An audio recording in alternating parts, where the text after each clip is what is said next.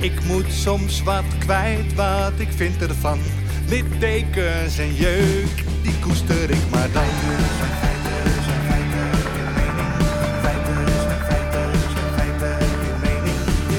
Duidelijk en luid. Riemen vast vooruit.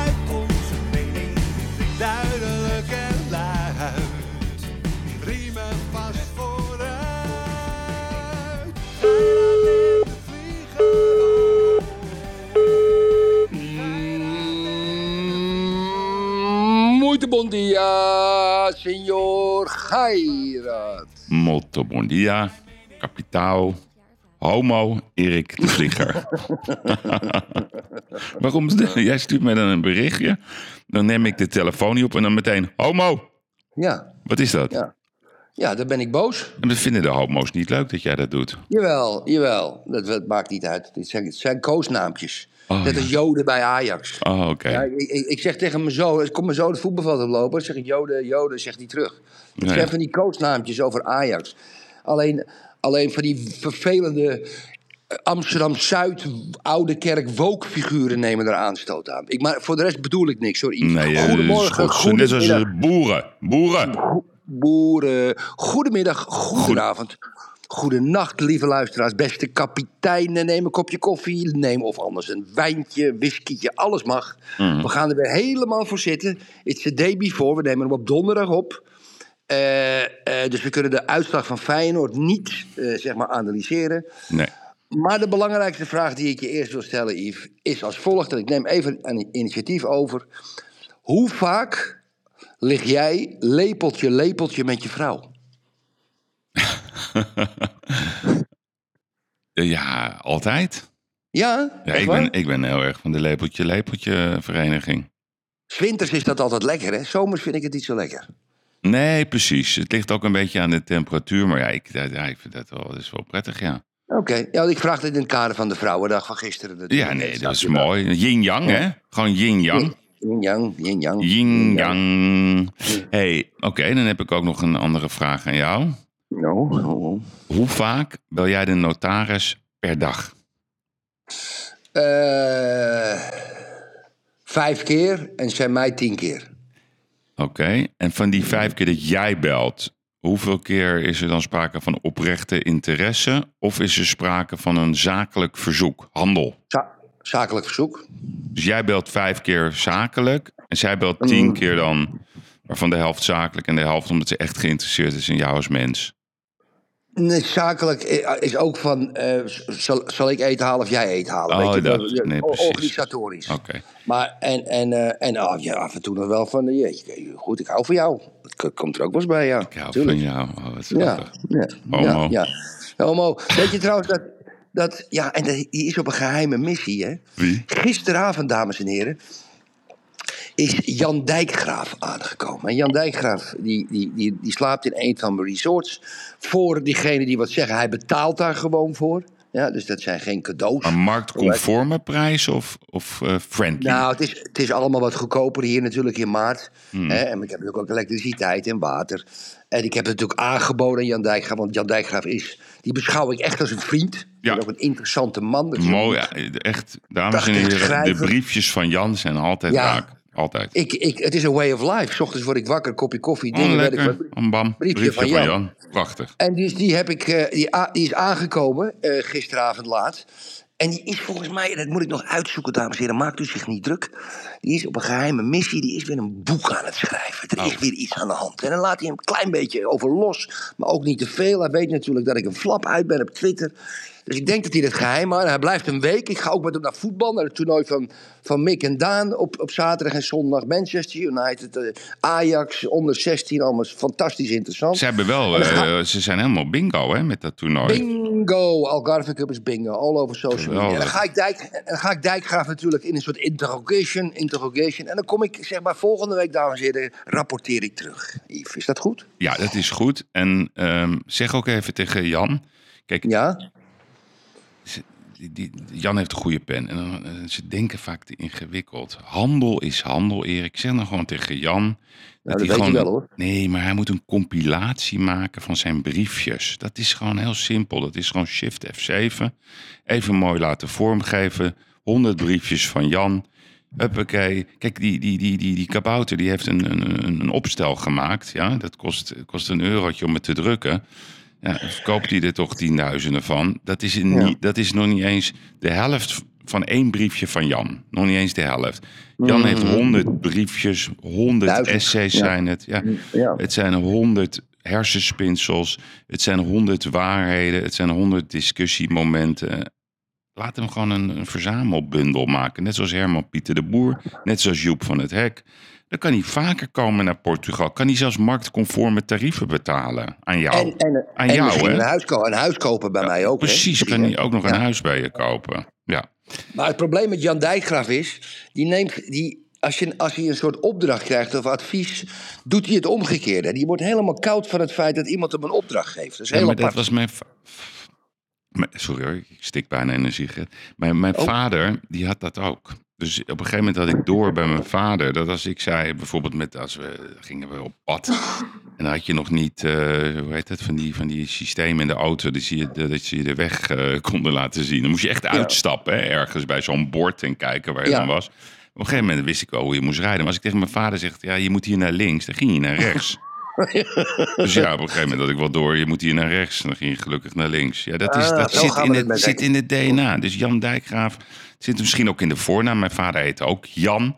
Oef. Ja, een- Ja, dat is geen toevalligheid, hè, dit, hè, wat je nu zegt. dus je moet eigenlijk tegen Jan zeggen... Jan, Ja. nou, weet je, die, die, die briefjes zijn wel leuk... maar ga alsjeblieft geen bundel uitbrengen. Ga ik doen, ga ik doen. Ik ga het zo doen. Ik ga, ik, ik ga nu heel anders met Jan Dijkgraaf om. Ik, als ik iets, als ik, ah ja, inderdaad, als ik naar links wil, zeg ik, je moet naar rechts gaan. Dat is Ja. een goed idee. Mooi, hè?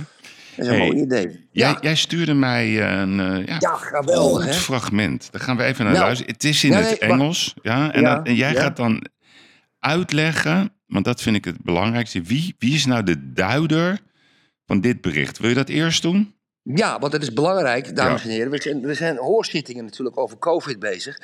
En een oplettende twitteraar, die, die, die maakte mij kenbaar op een, op, een, op een gesprek voor een hoorzitting van ene meneer Dr. Redfield. Nou, wie is meneer Dr. Redfield? Dat is een voormalig CDC-directeur. En de CDC is het Center of Disease Control and Prevention. Zeg maar niet helemaal de RIVM, maar wel state-controlled. En die, die mensen, die, die, die Dr. Redfield, die was een, een, een kroongetuige in een, in een, in, in een, in een, congre, in een, in een hearing van het congres. Ja? Mhm. En Dr. Redfield is zodanig interessant, die is daar weg. Die is eigenlijk een beetje eruit gebonjourd. Die was, had ook in het begin een andere mening over Wuhan. eh, en waar het virus vandaan kwam. is ook zeer interessant.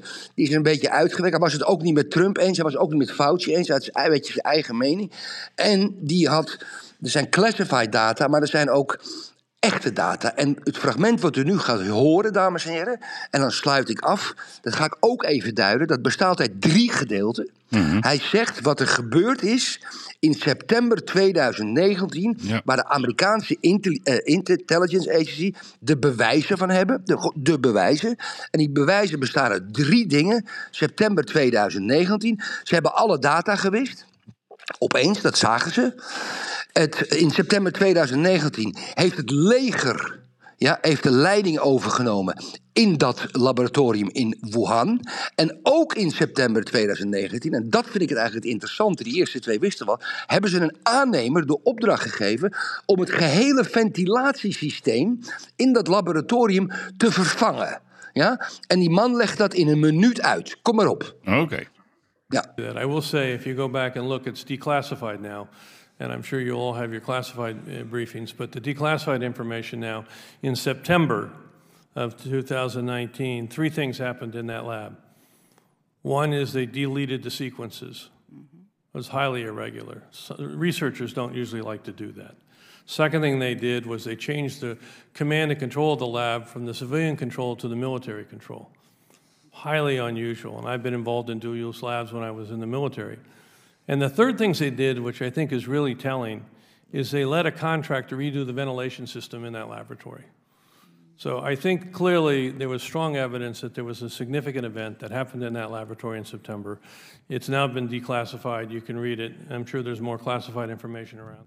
Ja, Dus declassified, hè? Dus ongelooflijk. En dit is een grote meneer. En dit tijdens een hoorzitting zei hij dat. Niets in de Nederlandse media, niets in de Nederlandse media. Niet, niets in de mond van Marjan Koopmans. Niks bij de, bij de Vereniging van Nederlandse Vleermuisliefhebbers. Helemaal niks, niks, niks. Maar even vertalen, luisteraars, voor wie het te ingewikkeld vindt. Sequences, dat zijn opeenvolgingen. Dus opeenvolgingen van momenten. Die zijn gewist. Gewist. Daarnaast zegt hij from civil to military. Dus dat betekent dat dus de militairen er opeens zich mee gingen bemoeien. Ja, en ja, de ja. totale vervanging van het ventilatiesysteem. En waarom, waarom is dit zo ongelooflijk relevant? Omdat er ook een militaire parade was in die periode daarna. En toen werden dus heel veel ehm, militairen werden ziek. Nou, dat Internationaal. Was internationaal. Dat waren dus die COVID-verschijnselen. Daar hoorden we niet echt wat over. En ik wil nog steeds dat u in uw hoofd prent de beelden van die gekke mannen in pakken bij Wuhan. De totale paniek op straat. En de vraag die je altijd jezelf moet stellen: waarom was er paniek? Want er zijn altijd virussen, er zijn altijd griepjes, er zijn altijd situaties. En ik blijf erbij, dat had te maken met voorwetenschap dat er iets heel ernstig was gebeurd ergens. Dus waarschijnlijk, dat blijkt nu ook in een lab. En ik blijf ook nog steeds zeggen per ongeluk, dus niet bewust. En nog steeds heb ik het idee dat de gedachte van de Chinezen is geweest: oh, we kunnen het wel onder controle houden. We gaan alle binnenlandse vluchten sluiten naar, naar buiten toe, is ook geen probleem. Dus er is een paniek ontstaan, waarbij ze dachten, de Chinezen, we kunnen het managen. En op een gegeven moment ontstaat er altijd een point of no return. En dan kan je niet meer terug. Zeker, zeker, zeker. In het licht daarvan, Yves, ben ik verder gaan zoeken vanochtend. En heb ik een ander fragment wat ik je even wil laten horen. Ik hoop dat het geluid werkt, goed werkt. Ik zet mijn telefoon op mijn iPad. Want dat beantwoordt ook de vraag wat jij net zei. Eén seconde, komt hij aan, ja? really have another mechanism other than nature. We weren't doing gain of function research. Right? I'm a clinical virologist. I tried to explain to Dr. Fauci, who's an immunologist, that this virus, SARS and MERS, when they infected uh, man from the intermediate host, civet cat in the case of SARS and a camel in case of MERS, they never learned how to go human to human. So those original outbreaks were less than a thousand people, and the epidemics died. And so when everyone thought this was SARS-like, well, that's gonna it's gonna die too. But this virus was immediately the most infectious virus, not the most, I think probably right behind measles, virus that we've ever seen infect man. So I immediately said, wait a second, this isn't natural.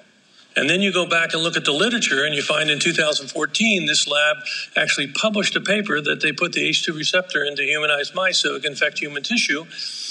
And then you learn that the new COVID, which came from bats, now can hardly replicate in bats. Nou, can hardly replicate in bed. Ja? Nou, kijk, kijk, wat hij dus zegt in diezelfde hoorzitting... dat heb ik even vanochtend allemaal gekeken. Hij zegt, eh, het virus kan hardly replica- replicate in bats, in vleermuizen. Het kan zich amper voortplanten in vleermuizen, maar wel keihard in mensen. Hij zegt het gewoon. Dus dat hele. En dan kom, ik, ja, dan kom ik toch weer bij mijn opmerking dat Marion Koopmans. Ja, het is heel zielig. Maar die hoort echt in de gevangenis thuis, dames en Ja. heren. Ja, want dat wisten wij allemaal niet. Die zei dus dat komt van een vleermuis. Ja, Ja, en, en nou ga ik nog niet zeggen dat ze. Nee, de gevangenis is misschien geen goed woord. nee. Dat is geen, want de gevangenis ben je agressief, klinkt agressief. Dat is te agressief. Laten we, laten we het net doen als een wetenschapper. Maar ze moet door het Openbaar Ministerie absoluut verhoord worden. Absoluut, want ze was daar in januari. Ja. En, en, en deze data van september, die drie dingen die hij noemde, moet, moesten bekend zijn bij Marion Koopmans en de Amerikanen.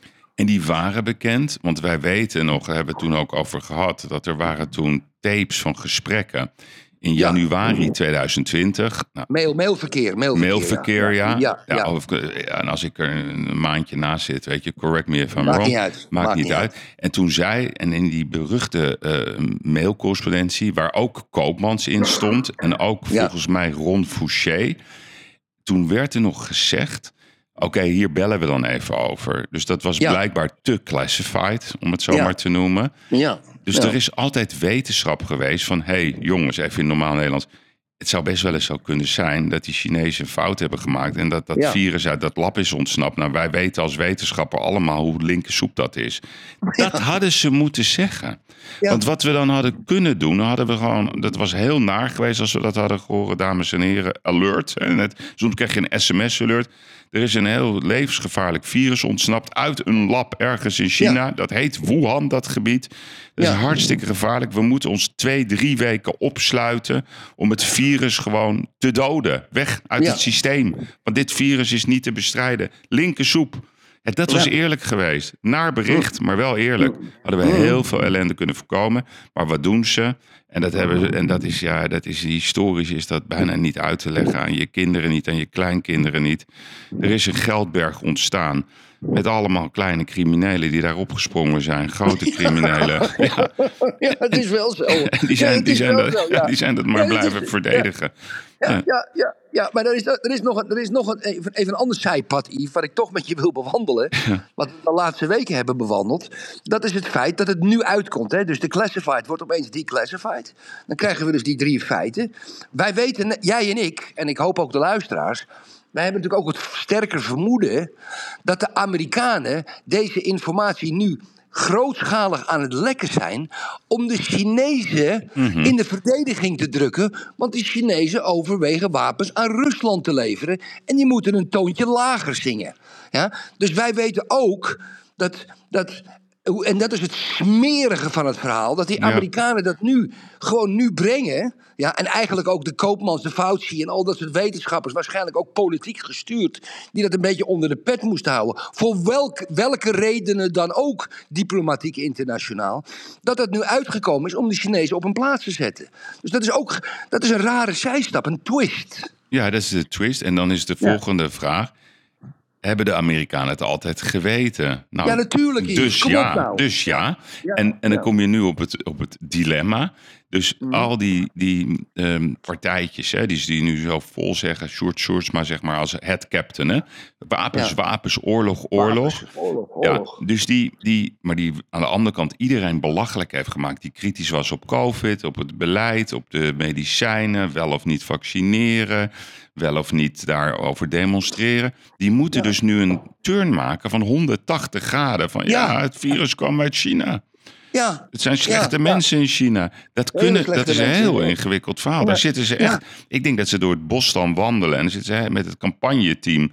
En dan zitten ze tegen elkaar te zeggen: ja, wacht even, we hebben een, een, een campagneslogan. En die heet Stop stilstand, stem vooruit. Dat is de nieuwe campagneslogan van D66. Dus we hadden eerst nieuw leiderschap. Nou, daar hebben we heel erg goed gezien wat dat dan inhoudt. Maar nu hebben ze een nieuwe. Dus stop de stilstand, stem vooruit. Dan lopen ze door het, door het bos, Erik, door het Amsterdamse bos. Zei ze, ja, hoe gaan we dit nou aanvliegen, Sjoerd? Ja, dat is niet makkelijk, want we hebben natuurlijk altijd gezegd dat het wappies zijn en gekken. Maar ze hebben dus wel gelijk. Maar ja, we moeten toch weer die Russen onder Ja. druk zetten via ja, de Chinezen. Want de Chinezen zijn de eindbaas en die Xi Jinping, die gaat natuurlijk ergens over. Dat is de echte don. Ja, maar Sjoerd, dat, ja, dat, dat klopt natuurlijk niet helemaal met onze nieuwe campagne. Ja, maar daar kom ik wel mee weg. Kom ik wel mee Ja, weg. maar Sjoerd, Sjoerd, Sjoerd, Sjoerd, Sjoerd, Sjoerd, luister naar Sjoerd. Hou het nou stil, zeg er nou niks over. We lopen hier lekker door het bos. Ja. Ja, kom op nou, hè. Doe dat nou niet, Sjoerd, hou je mond nou, hè. Kijk, ja, maar, maar, maar, maar luister nou, Sigrid. Er, er, is, ja, er is zoveel aan de hand. Ja, wat bedoel je? Weet je, met die pijpleiding, hè, die Nord Stream, hè. Ja. Dat verhaal, hè. We hebben eerst Rusland natuurlijk de schuld gegeven, hè.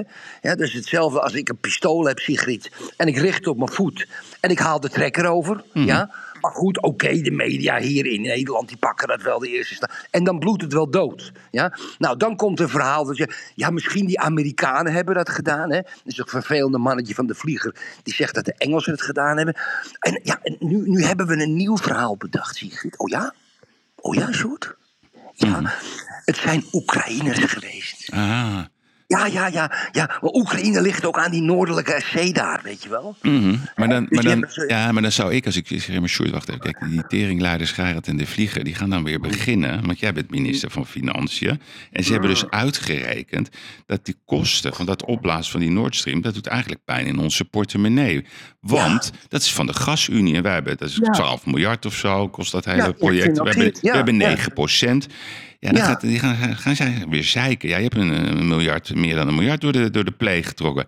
Nee, Ja. nee, nee, short. Weet je wat ik dan doe? Begin ik over de boeren. Meteen. Ja, kutboeren, Ja, gewoon boeren. kutboeren. En, en als ze dan over de boeren, als dat dan weer, weer een beetje moeilijk wordt, dan pak ik gewoon onderwijs erbij. Gewoon hup, onderwijs. Ja, nee, ja, maar wacht even met die boeren. Kijk, het is heel simpel, Sjoerd. Je hebt me op een goed idee gebracht. We doen het volgende. De scheid van de koeien, dat is niet slecht. Maar het pis, ja, dat komt in de lucht. En het legt een deken op de grond naast de boerderijen. En daar groeien dan geen eikenbomen meer. Dat verhaal gaan we in de groep gooien. Nee, maar- Wat Sjoerd, je bent een held. Je Nee, maar wacht. me. Nee, maar Sigrid, wacht nog eens eventjes. Want kijk, wat Dan- zij dan gaan doe- doen... Want je, nu hangen al die bushokjes vol, hè? Dus eh, stop, stilstand, stem vooruit. Ik heb gehoord ook bij. Geirat in de straat. Die hele straat hangt vol met allemaal van die bushokjes. En dan gaan zij zeggen... hè? Expres bij Geirat. hè? Ik heb het nog tegen de media advies. Ja, ja, maar dan zeggen zij Steven Schuurman. En dan zeggen ze vervolgens... Ja, die zit daar in Hongkong. Fiscaliteit. Nee, nee, nee, nee, nee. Weet je wat we dan doen? Beginnen we gewoon over het erotisch centrum in Amsterdam.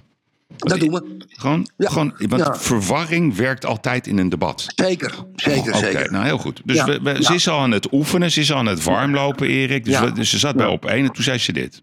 Nou, volgens mij is dit een reactie ten dele op uitspraken van BBB dit weekend. En ik geloof ook jaar 21. De boodschap BBB. is een andere. De boodschap is, wij staan voor een snelle aanpak van stikstof, van de crisis. Wij willen bouwen, we willen de agrariërs toekomst bieden. Ja. We Oh, willen de oh. economie openhouden en we willen natuurherstel. En als je dan zegt, de aanbevelingen van Remkes kan wel een stukje minder. Als je zegt, zoals in jaar 21, de klimaatwet stemmen we tegen.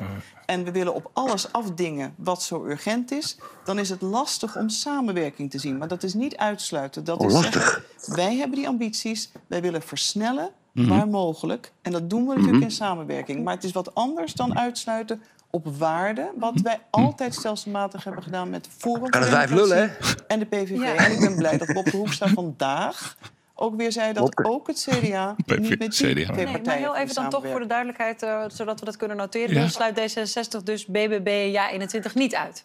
Op de lijnen van de inhoud zijn er verschillen. Wat ik altijd heb gezegd, en dat zeggen ook als je de brief De goed lijnen van- leest... niet de duiding, maar de brief zelf Nee, we hebben de brief gelezen. Ja, als je de brief goed leest, ik zeg het in algemene zin, als men de brief goed leest, niet jij. Ehm, dat, is dat is soms makkelijker in het Engels dan in het Nederlands. Als men de brief goed zou lezen, dan zie je dat D66 zegt: wij willen dit bereiken en daar doen we geen afstand van. En als je die ambitie deelt, dan werken we samen. Maar we gaan niet heel veel afdoen aan wat de doelen zijn, niet het tijdspad. Eh, en de manier waarop we die moeten Yves, zet bereiken. het wijf Dat is uit. te belangrijk. Kijk. en we hebben even, nee, maar even dus, dus die, dit, dus, Breien, niemand... breien. Nee, maar... je s- En dat, er is geen touw aan vastknappen wat dat mens Nee. zegt. Maar echt gewoon werkelijk waar. Het gaat alle kanten. Is er dan niemand die zegt, mevrouw Kaag, wordt het niet eens tijd voor de psychiater? Ja, Nou, maar kijk- gewoon, dit is toch voor een normaal iemand niet meer te volgen. Wat, wat zegt Ja, maar je nou stelt een vraag. Ja, Kijk, je stelt me een vraag. Kijk, ik heb dit fragment naar je toegestuurd. Vooral tussen 1 minuut en 1 minuut 20. Waarom? Kijk, ik, en ik heb iets verschrikkelijks tegen je gezegd over, over Sigrid Kaag tegen jou. Kijk, dat zij zegt, het gaat dus over een brief. En dan kijkt ze die, die vrouw aan hè, en die zegt ze, als je de brief goed leest. En dan corrigeert ze zichzelf. Het, de, de, de hotaniteit, hè? Mhm. De hotaniteit. En jij zou tegen mij ook kunnen zeggen: Ja, Erik, als je die mail goed leest, dan staat er die kerel dat toch wil kopen. Dat kan jij geïrriteerd zou zeggen. ik kunnen zeggen. Zou kunnen zeggen. Zou je kunnen zeggen. En, en, en dan zeg ik, hoe bedoel je? Ik heb de brief goed. En dan zeg jij, nee, eh, eh, Erik, als men de brief goed leest, snap je? Ja? De hotaniteit dat dat meisje, ja, hè, door Sigrid Kaag met haar hotel, gewoon even gecorrigeerd wordt. En dan zegt ze nog eens een keer ter correctie. Ik vind het fascinerend, dames en heren. Ja, in het Engels zeg je het anders dan in het Nederlands. Nou, Sigrid, ik heb nieuws voor je. In het Engels zeg je het precies hetzelfde als in het Nederlands. If you read the letter properly, of if one reads the letter properly. Weet je, dus dat is precies dezelfde nuance in het Nederlands als in het Engels. I- Yves, we moeten niet altijd maar over Sigrid Kaag beginnen, maar de, dat, het is. En we willen ook niet demoniseren. Maar ik heb met de notaris dit fragment gekeken, en dames en heren. En toen heb ik een stuk papier gepakt. De notaris kan natuurlijk geen Nederlands verstaan. En toen heb ik twee derde van mijn scherm, onderkant, heb ik afgeplakt. En toen heb ik alleen maar, en dames en heren, doet u dat ook? U kunt gewoon op het Twitter-account van Op1 kunt u dat zien. En dan ziet u alleen de ogen van die vrouw als ze dat soort dingen vertelt. Het is angstaanjagend. Angstaanjagend. En dat is natuurlijk geen argument om iemand zijn uiterlijk te focussen of iemand zijn ogen te focussen. Maar ik krijg de griezels van die vrouw. De griezels. Het, het, het, is, een, het, is, een, het is eigenlijk in de basis. Ik zeg iets verschrikkelijks. Het lijkt me een moordlustige dictator, Yves. Hmm. Ik, Nee. ik krijg dat gevoel. Ik krijg zo'n eng gevoel bij die vrouw. Ja, nee, het is... Met die magere mannetjes, met die vieze enge Ja. D66 magere mannetjes om erheen. Oh. Het roept kriebels op. Nee, maar wat, wat, wat, ik, ik zat erover na te denken. Dus ik, Ja. ik, ik wil niet in slechtheid denken. Ik wil niet denken dat mensen bewust de boel in de maling willen nemen. Of dat ze het echt niet goed menen. Maar ik denk, Erik. Nou? Zij, zij komt uit het Midden-Oosten. Zij heeft ooit een relatie ook met een andere. eh, Glad ijs. Glad ijs. Nee, nee, Ga let door. op. Let op. Moet je goed uitleggen deze, Yves? Ja, nee, maar dat is de cultuur waar ze vandaan komt. Mhm. En ik hoef jou niet uit te leggen. Ze is ook eh, getrouwd met, eh, hoe heet die, eh, de rechterhand van Arafat. Nou, Voormalig, ja. ja, oké, maar goed. Eh, dus, dus, dus zij heeft daar, daar gewoon haar leven geleid en beleefd en meegemaakt. Ik heb het vermoeden dat dat zo diep in haar systeem is. Zij gelooft helemaal niet in democratie. Zij gelooft er gewoon in van ja, het volk is dom. Die moet je gewoon klein houden. Je moet helemaal niet democratisch eh, denken. Je moet wel democratisch praten. Maar democratie, dat werkt helemaal niet. Dus je moet, je moet gewoon zorgen dat je aan de knoppen komt. En wij weten heel goed hoe het werkt. En wij moeten gewoon voor hun beslissen. En voor de rest ga ik voor de vorm. Ja, ga ik een keer op een tafel staan. Nou, daar maken we een mooie show van. En dan laten we zien dat we normale mensen zijn. Die gimpies, die trek ik gewoon aan. Want ja, dan la laten zien dat ik gewoon ook van de mensen ben. Af en toe ga ik de straat op. Maar dan moeten we wel zorgen dat het escaleert. Want dat zijn toch wel ja, tegenstanders van ons, die mensen die daar zitten. Wie zijn die mensen? Wie zijn Wie die zijn mensen? die mensen? Dus die- dan moeten we wel een, even een plannetje, een fakkeltje erbij. Of een beetje ja, toestanden. En dat moeten we dan Zeker. extrapoleren. Dus dat zag je toen ook toen ze daar naar dat diepe heim afreisden. Nou, in eerste instantie gebeurde er niks. En toen, hé, hey, een fakkel. hey, Sjoerd, er is een fakkel. Ja, bam. Zorg even, Sjoerd, Sjoerd, Sjoerd.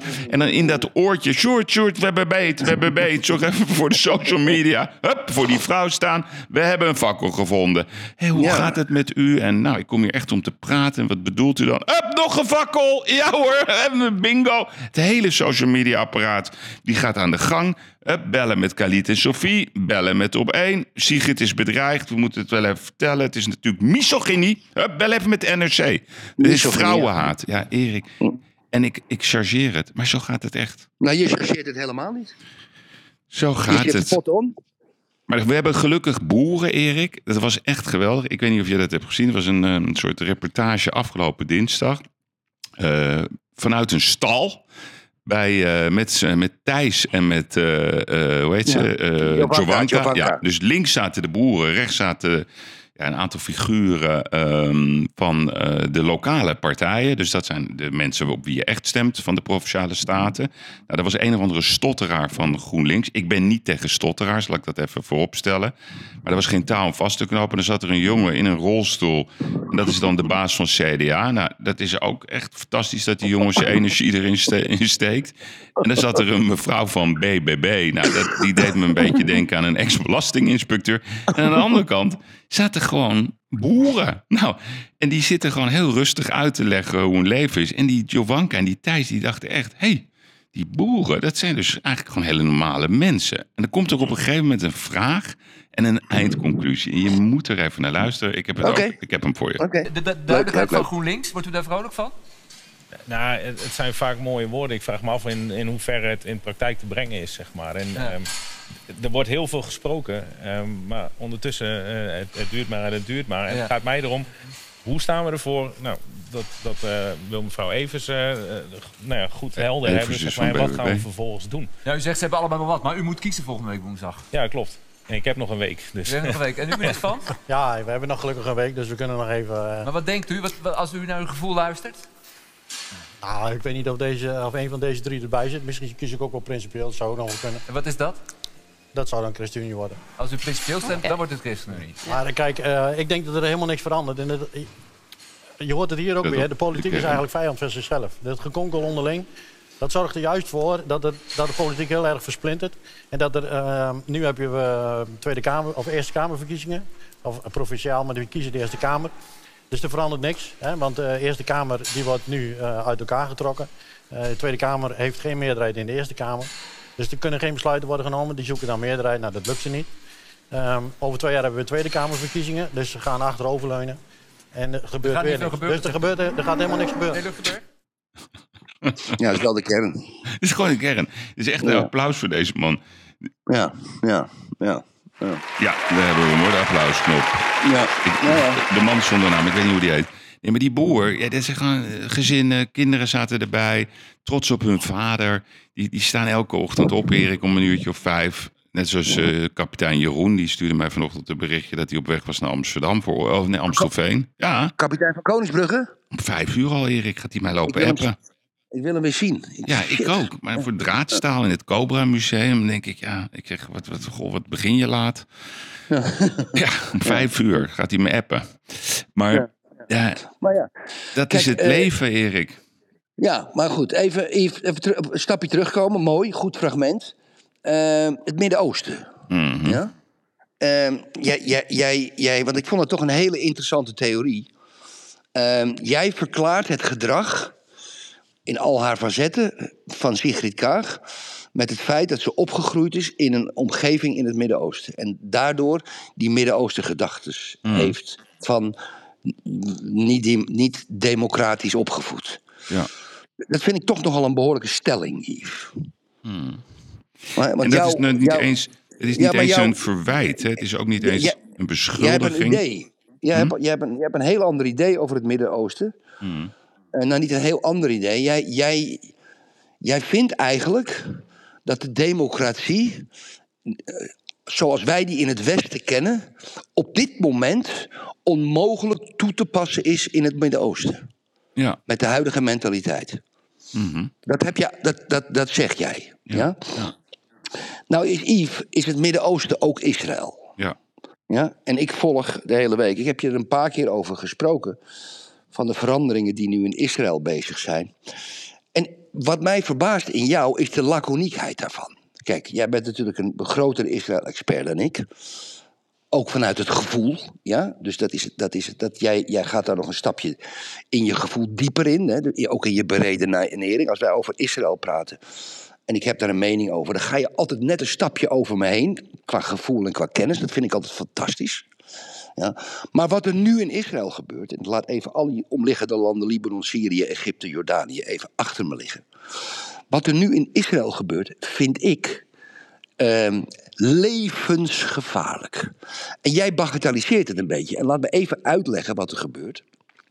In Israël, hè, dan zeg ik het heel simpel, de hele gerechtelijke macht zoals die nu is in deze hoedanigheid in een democratisch land, die wordt herzien. En wat zeggen ze, de Israëlische regering, de rechtse regering? De macht van het Hoge Rechtshof moet terug. En mocht er, mochten er nieuwe wetten bij het Hoge Rechtshof komen om te toetsen, dan kan de Knesset, de Knesset is het Israëlische parlement, bestaat uit 120 mensen, dan kan de Knesset met 61 stemmen toch de wet er doorheen drukken bovenop het Hoge Rechtshof. Ja, en het Hoge Rechtshof ten tweede, en dan sluit ik af, de rechters van het Hoge Rechtshof worden vanaf nu, en dat is het voorstel, benoemd door de regering. Ja? Eh, daardoor, daardoor, en dat vind ik, dat de democratie echt aangetast wordt in Israël. En de vrijheid van meningsuiting eh, ook. Dat is misschien goed voor het land ter verdediging en met de snelheid van de beslissingen. Maar niet voor je democratische gehalte van een land, lieve Yves. Ja.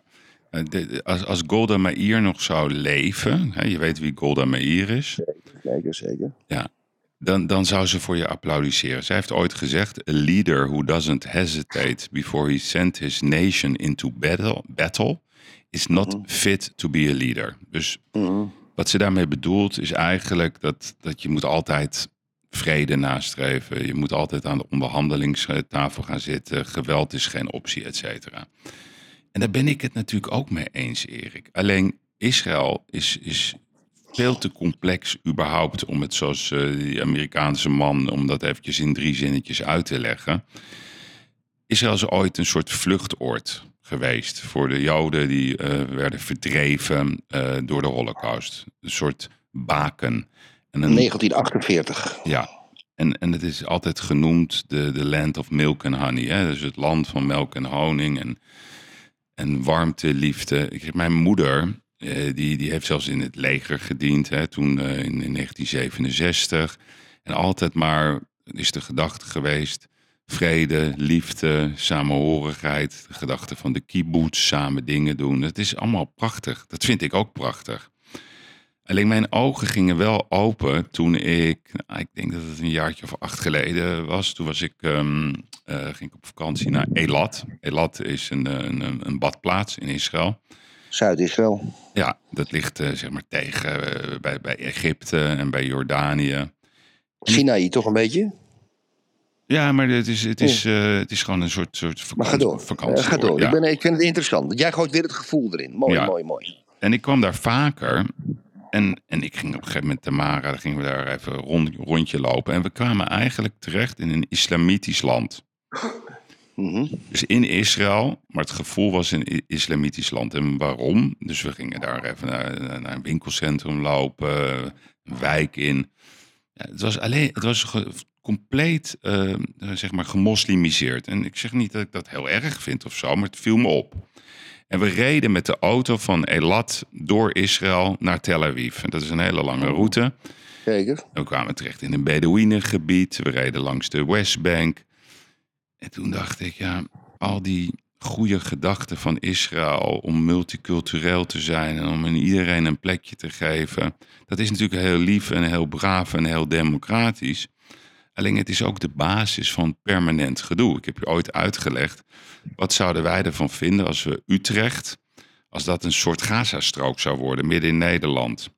Nou, dat is wel even de vertaling hoe, hoe je de Westbank moet zien. Hè. De, de, Westbank ligt gewoon midden eigenlijk gewoon in Israël. En dat is altijd Een soort, gedoe. kanalen, een soort, ka- een soort kanaleneiland. Ja, Dat is een Dus- lullig grapje eigenlijk. Ja. Nee, maar dus, dus als je cijfermatig, dat hebben we volgens mij een maand geleden gedaan. Toen heb ik jou uitgelegd hoe groot Israël is, hoe, ehm, hoeveel mensen daar wonen, hoeveel verschillende geloven er zijn. En toen heb ik het met jou de parallel getrokken. Wat is de vrijheid van geloof eigenlijk in al die andere landen? En die is er niet. Dus degene die nu worden opgejaagd, dat zijn de christenen.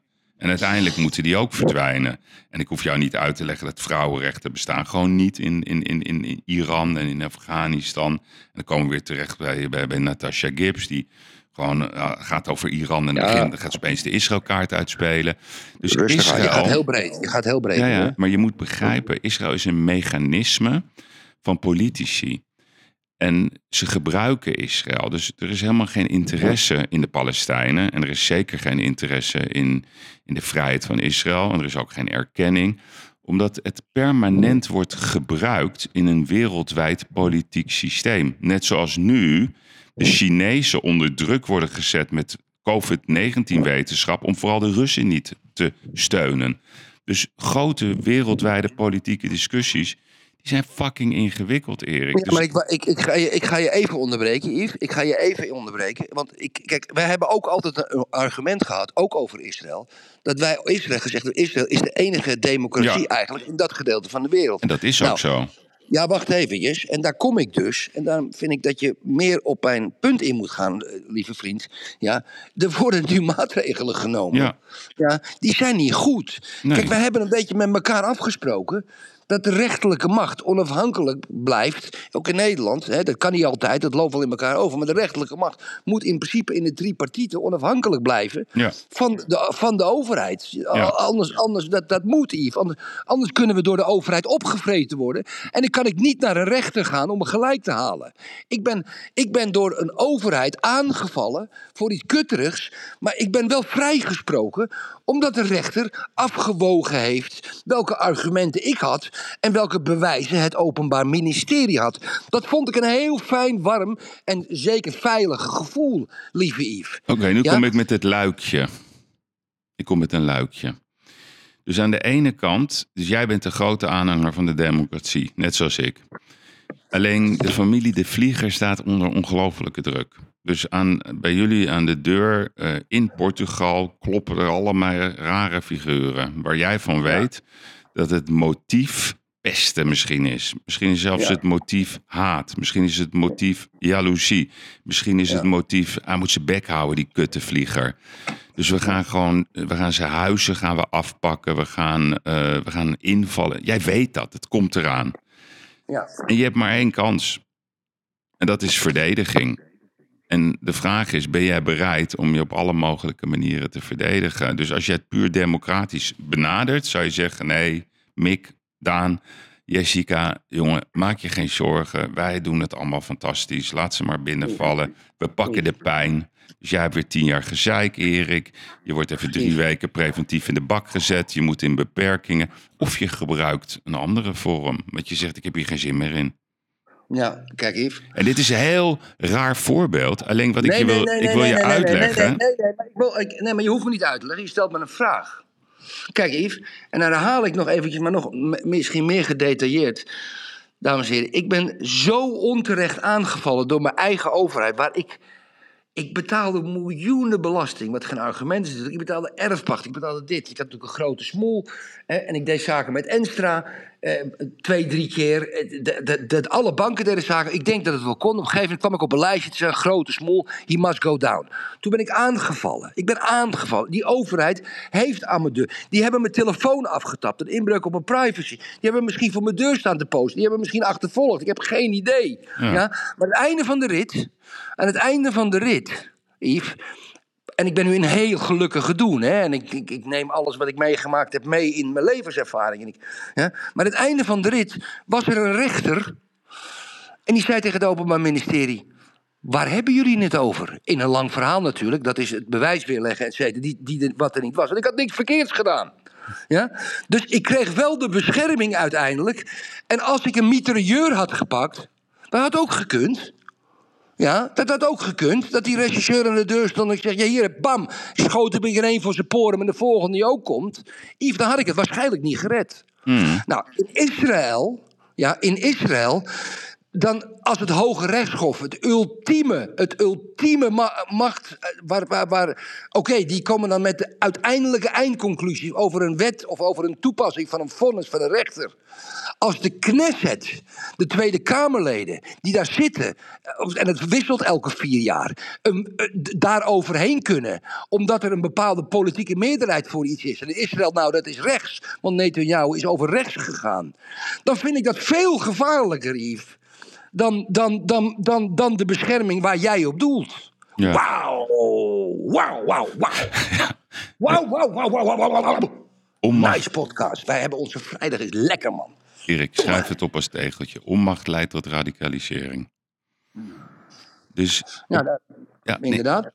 onmacht leidt tot Dit is, dit radicalisering. is radicalisering. Het Hoge Rechtshof beperken is radicalisering. Ja, dat klopt. Dus, maar dat komt door onmacht. En die onmacht die heeft te maken met, met kolonisten die daar gewoon willen leven. Die gewoon. eh, Ja, ja, ja, ja, dat- die zeggen dat ze land inpikken van de Palestijnen. nee, dat zeggen zijn twee argumenten. alleen ik ben, ik ben nog steeds koester ik de gedachte dat als je gewoon redelijke Israëliërs en redelijke Palestijnen een week naar Khmer stuurt. Gewoon, eh, om, om even het verdrag van Khmer in stand te houden.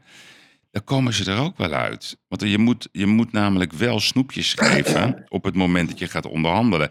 Je kan alles zeggen over Trump. Maar het enige wat hij deed was rondreizen naar allerlei verschillende landen in het Midden-Oosten. Of het naar Marokko was, of het waren de Verenigde Arabische nou Emiraten. Nee, wacht. Nee, nee. Nee, nee. Jij wilt grote vraagstukken te snel behandelen. Dus Oh, hij, probeerde het, hij probeerde de handelskaart aan te reiken.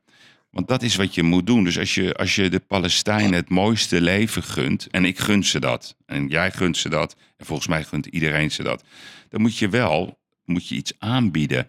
Maar als aan de andere kant er continu wapens worden gestuurd om dat proces te verstoren, en die wapens komen altijd uit Iran. Dat eh, heb ik ook vroeger gezegd, werd altijd ontkend. Ja, nee, waar haal je dat vandaan? Ik zeg, Iran is de eindbaas. Ik bedoel, eh, als je het even vertaalt naar gewoon criminele organisaties. Holleder was de eindbaas. Misschien had hij nog een andere baas. Taghi was de eindbaas.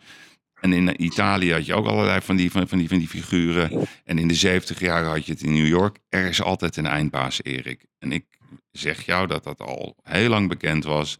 Alleen je moet het wel durven te benoemen. Dus op het moment toen ze uit de Gazastrook gingen, uit mijn hoofd 92, de dag erna kregen ze raketten. Dus alles gaven ze hier. Je hebt land, het is jullie gebied. En vervolgens komen de raketten.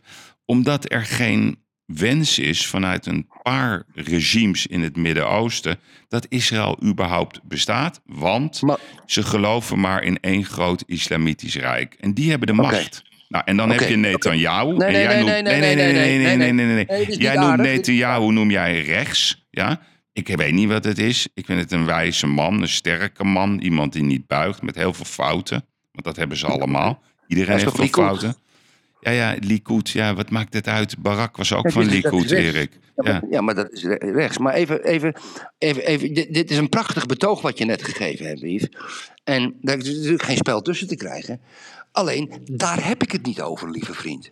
Nee, maar ik zeg jij dat het een gevolg is waar jij het over hebt. Dus, dus, dus jij vindt, nou ja, dat vind je eigenlijk niet, het Nee. gevolg. Het is oorzaak-gevolg. Ja, maar wacht even, de kat naar binnen laten. Ga naar binnen, beest. Oh. Kom.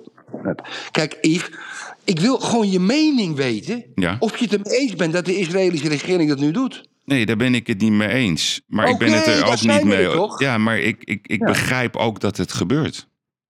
Ja, dat zal best. Ik begrijp ook dat de een iemand anders vermoordt omdat hij niet tevreden hebt. Ja, Ja, ik begrijp ja, ook- een mooi voorbeeld. eh, Ja, nee, is op zich een goed voorbeeld.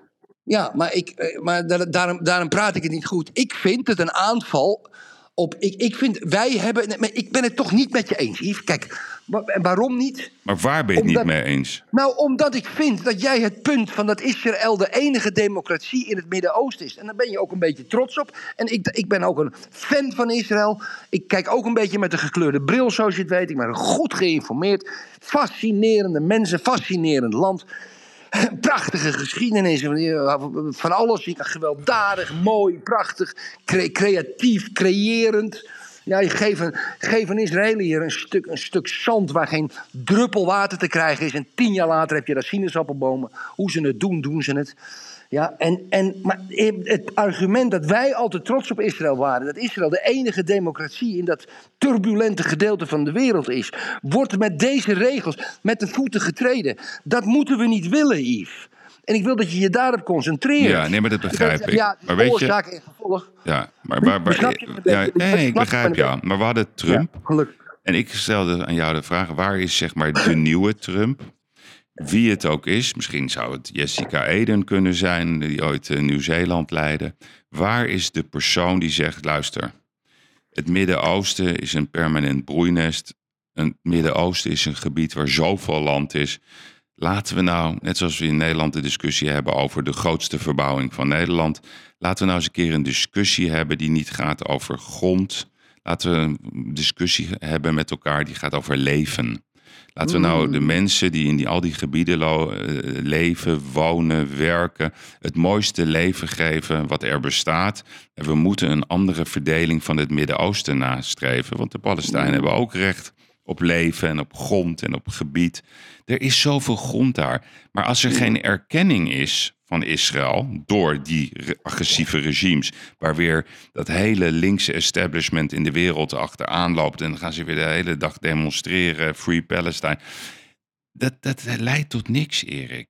Het Nee, maar weet je waar dat je is hetzelfde als Oekraïne. zit? Oekraïne grote- leidt nee, alleen nee. maar tot Weet je- verdriet. Weet je, weet, je, weet je waar het grote probleem ligt, Yves? Ja. En natuurlijk heb ik een pra- prachtig romantisch idee dat je zegt, moet allemaal bij elkaar komen. Maar kijk, Yves, een Israëlisch kind wat geboren wordt, ja, op het moment dat ze kan nadenken of, of kan praten of dingen, wordt natuurlijk al eh, opgevoed in een wereld waarbij ze geleerd wordt om uit te kijken voor de vijand. En Ja. de vijand is natuurlijk of een raket, of een Arabier, of een Palestijn, of weet ik veel wat, of Iran.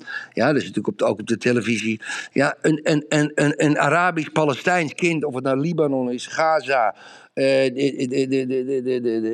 al die gebieden eromheen, eh, Sinaï, die wordt natuurlijk al, opgevoed. En het komt ook, dat druppelt door naar de volledige Arabische wereld. Dat de Jood, ja, de Israëliër, ja, is de vijand. Dat wordt allemaal in die jonge kinderen geplaatst. Dus dat is een doodlopende straat als je daar niet bij de wortels aanpakt. Ja, dat is een ongelofelijke grote klus, lieve vrienden. Dat ga mij vandaag niet uitkomen. Daar komen we niet uit. Maar daar, heb je wel, maar daar heb je wel een fantastisch punt, Erik. Want ik ga even een, eh, Harry de Winter is overleden. 73 jaar. Een ander Joods geluid. Ja, daar gaan we het over hebben. Ehm, Mhm. Heb jij hem gekend, Harry de Winter? Uh, Yves, we hebben nog samen gevochten met hem in, in, in, in, in, op, in eh Pauw en Witteman. Ja. Weet je dat nog? Wij samen? Wij hebben samen naast elkaar gezeten tegenover Harry de Winter in een live televisieshow. Dat weet ik. dit Ja, dit, dit ja. is bijna knop 22. Ik kan me dat... Ja, ja wij hebben samen daar Ik heb me dat achteraf verkeerd herinnerd. Ik betreur dat ten zeerste. Wanneer was Ja. dat, Erik? Ja, Yves, dat was helemaal in het begin. Dat was er, dat, ik denk dat het 2006 was of zo. Zaten we... Oké, dan moet je nagaan. Dat kan ik me niet eens meer herinneren. Ehm, hey, kijk, die Harry, dat is echt, echt een hele aardige man. Hè? Dus ik bedoel, punt 1, niks dan lof voor de doden. En, en, en, en may he rest in peace. Dat me- Dat meen ik echt. En ik vind het ook best wel bijzonder hoe hij, zeg maar... Het verschrikkelijke nieuws wat hij kreeg, dat hij eh, asbestkanker, ik kende dat woord niet eens, dat hij dat heeft. En dat hij gewoon geen kans, geen uitweg had. En hij heeft ervoor gekozen om ja, gewoon te leven tot de laatste dag dat het kon. En op het moment dat het harde nieuws zou komen, dan, wilde hij er gewoon uit. Nou, het ging veel sneller nog. Hè? Dan, dan kreeg opeens bij het AVL. Het is best nog best wel snel gegaan. Het was, maar dat is dat, dat is dat verschrikkelijke kanker. Hij het is, een zondagskind, Erik. De man had het geluk aan zijn kont hangen. Hij heeft natuurlijk met dat lingo... Heeft hij, een, ja, heeft hij goed gezien, juiste moment, Amerikaanse rechten gekocht. Nou, hij heeft, dat heeft de hele wereld verkocht. En hij, ehm, hij verkeerde eh, in Amsterdam in, in, die, in, in die omgeving waar ik zo'n bloedhekel aan heb. Dat establishment, die grachtengordel elite, die maar wil deugen. En die altijd maar zogenaamd dat verhaal roept. Hup, alle asielzoekers, haal ze maar naar binnen. Heel goed voor Nederland. Maar als je vraagt, nou, dat is goed, doe je er ook eentje bij je thuis? Ja, hoe bedoel je? Nee, dan, dan, dan laat je zien dat je het meent. Hup, het Een soort klimaat... Derkshouwer. Een soort Derkshouwer. Nou, die laat ik aan jou. Alleen, eh, die laat ik aan jou, Erik.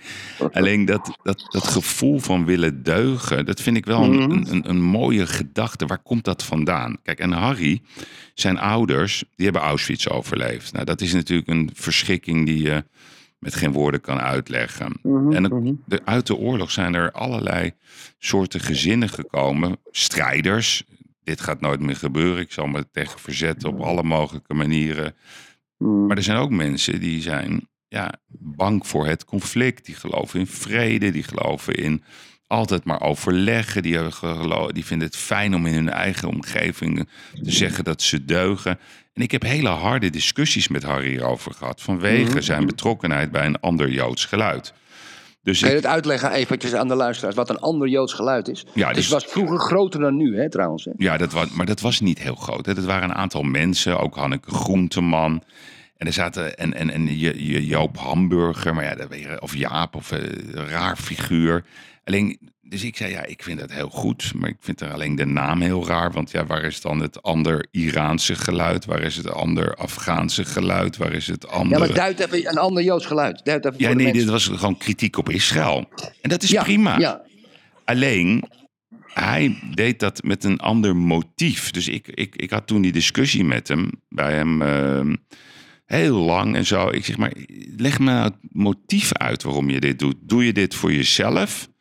Doe je dit omdat je echt iets wil betekenen? Ben je bereid om je hele vermogen, beste Harry, in te zetten om een betere wereld te creëren? Wat, wat is de bedoeling? Want ik, eh, als ik je tegenkom, zit je altijd in de business class of caviar te vreten in het Amstelhotel. ja, ik, snap het gewoon niet, Harry. Is het angst? Ben je bang dat er, ja, dat, dat er weer een. ben je niet trots op je afkomst? Is dat je. eh, Schaam je ervoor? En deze discussie had ik ook met Job Cohen, hè? Want ik heb ooit, ik heb tien jaar het Joods Journaal op de markt gebracht, Erik. Nou, dat weet ik nog, ja. Ja, maar mijn bedoeling Wilde van... ik nog kopen van je, weet je nog? Ja, nog luisteraars, ik ga dit even, ik ga dit even vertellen. Ja. Kijk, die de vlieger. Dat is echt mooi. Dit is, een, dit is een mooie anekdote. Dit. Dus ik zit bij de vlieger in zijn Ja. toren naast de Belastingdienst. Met Kingsfordweg. Dus ik daar naar boven. Verrekijker, ik had een verrekijker. Ja, hij had ook nog een verrekijker. En, en hij liep dan, en soms had hij zijn badjas aan. En hij had een, had een flip over in zijn kantoor. Met, met Ja. zicht op de zuidkant van Amsterdam. Ja, En in, dat, in dat kantoor had hij dan ook een bankje. Een beetje smal bankje. En daar mocht Ja, je, dan ja. ging je naast je zitten. En wat deed hij Ja. dan als hij een deal wil maken? De rechterhand ging op Ja. mijn linkerknie. Ja. Luister, lieve vriend. Zo ging ook.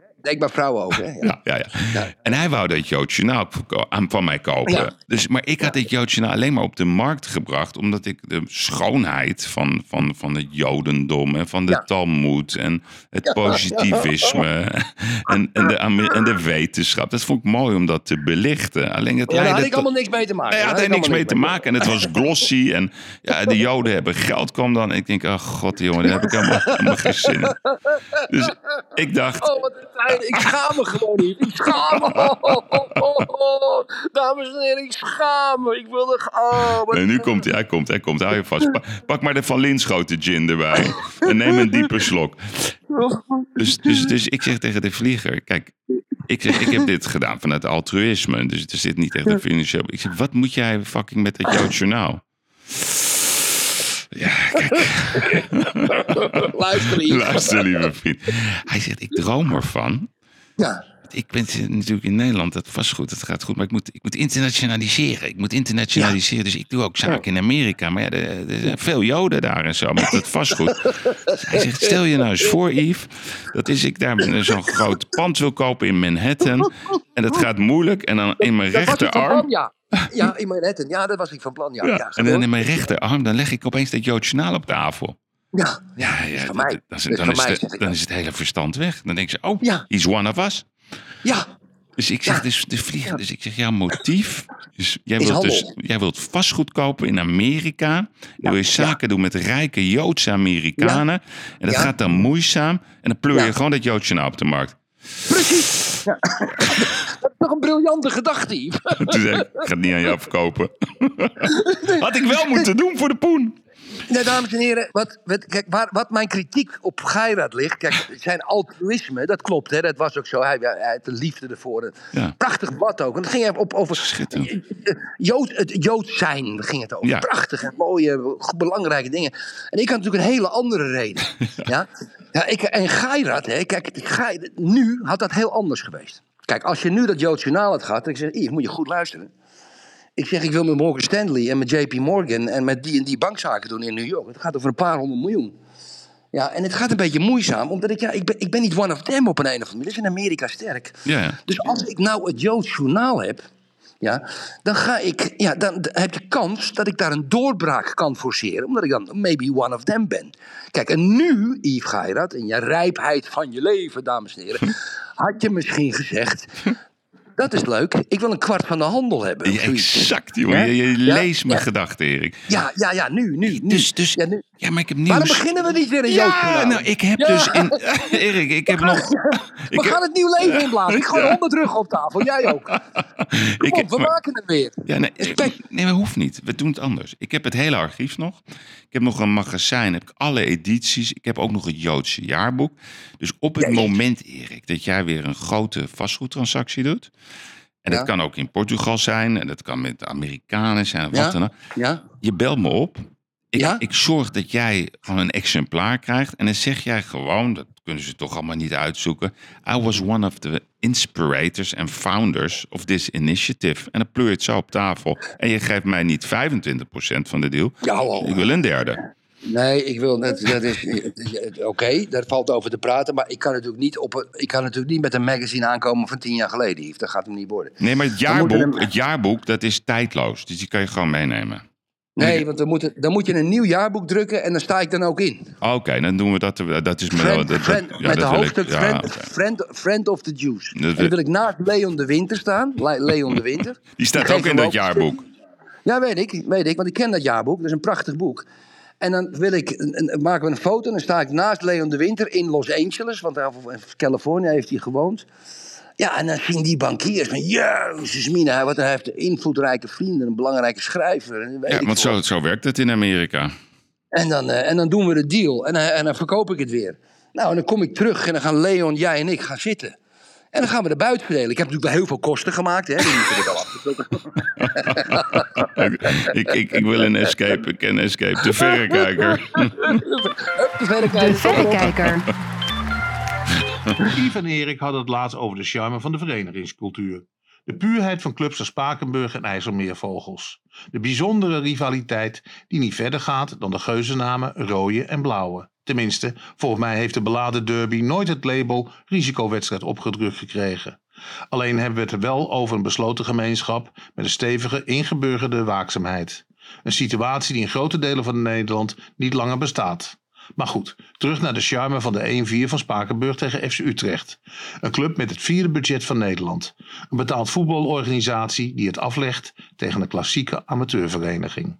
Een off-day die aangeeft dat ook topsporters gewoon mensen zijn. Mooi ook dat het bekertoernooi in dit tijdperk van commercie en veel geld nog altijd die mogelijkheid biedt. Maar voor hoe lang? In hoeverre zullen de initiatiefnemers van de Super League toestaan dat hun vedette het één keer per jaar tegen amateurs moeten opnemen?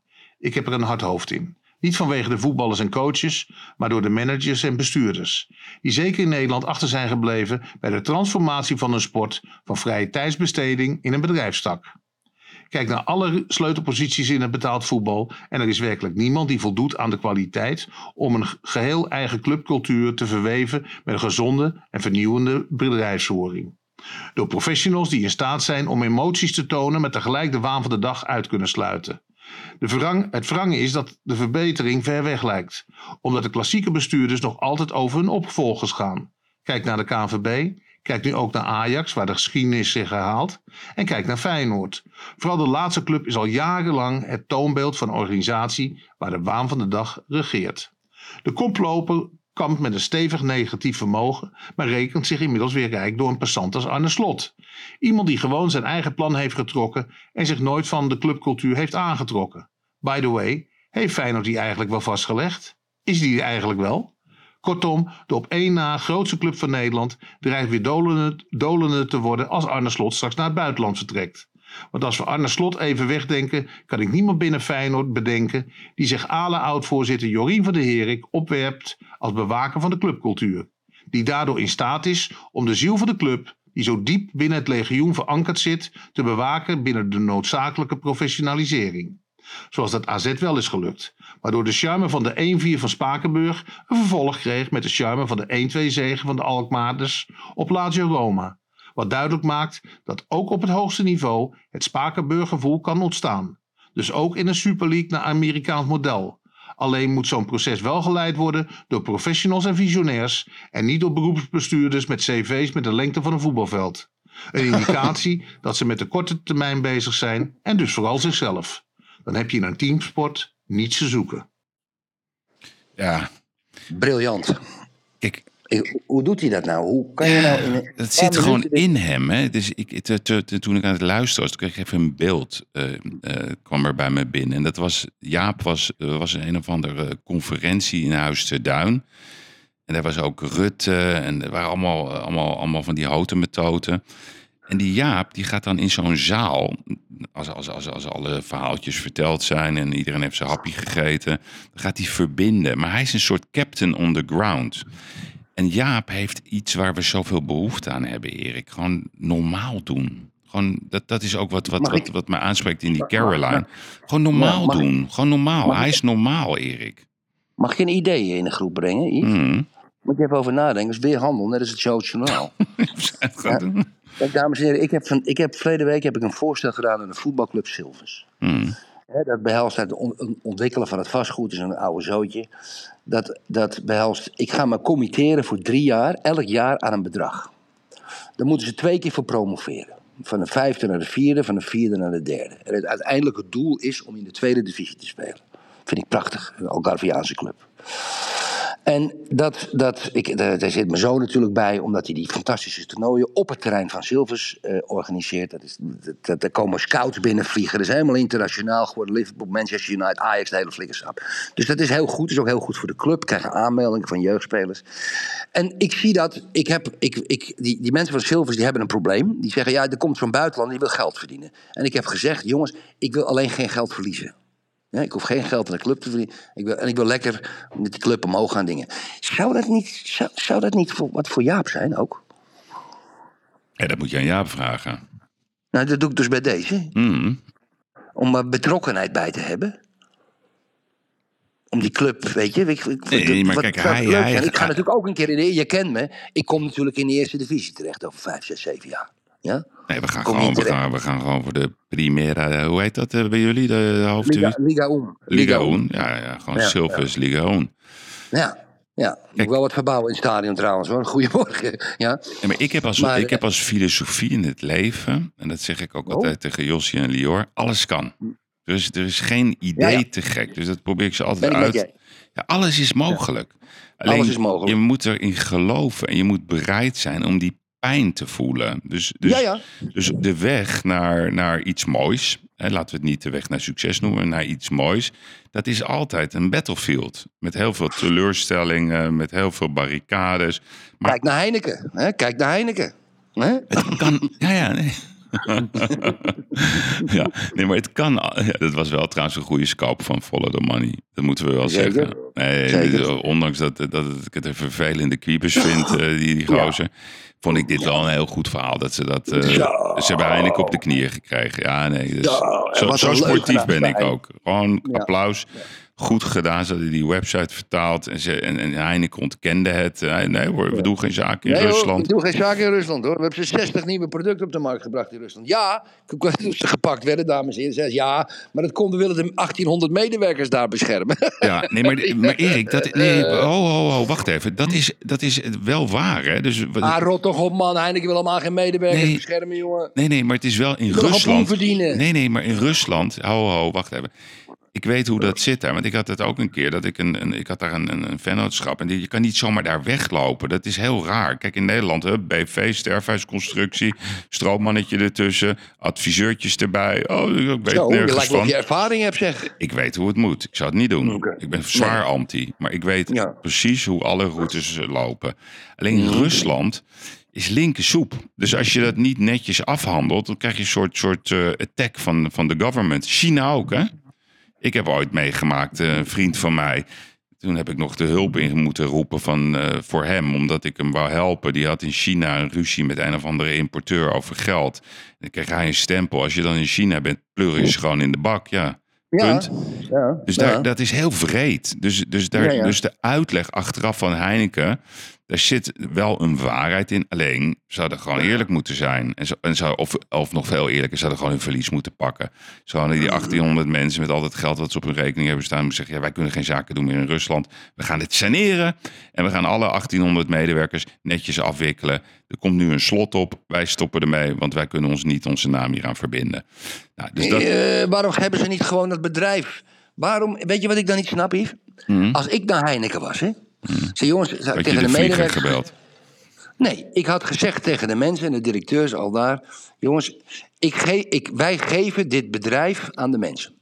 Ja, wij geven dit bedrijf. Ja, ja, nog mooiere gedachte. Ja, ja. Alsjeblieft, ja. En wij willen wel een terugkoopoptie hebben voor alle aandelen. Moeten alle medewerkers ondertekenen dat je je aandeeltjes verkoopt.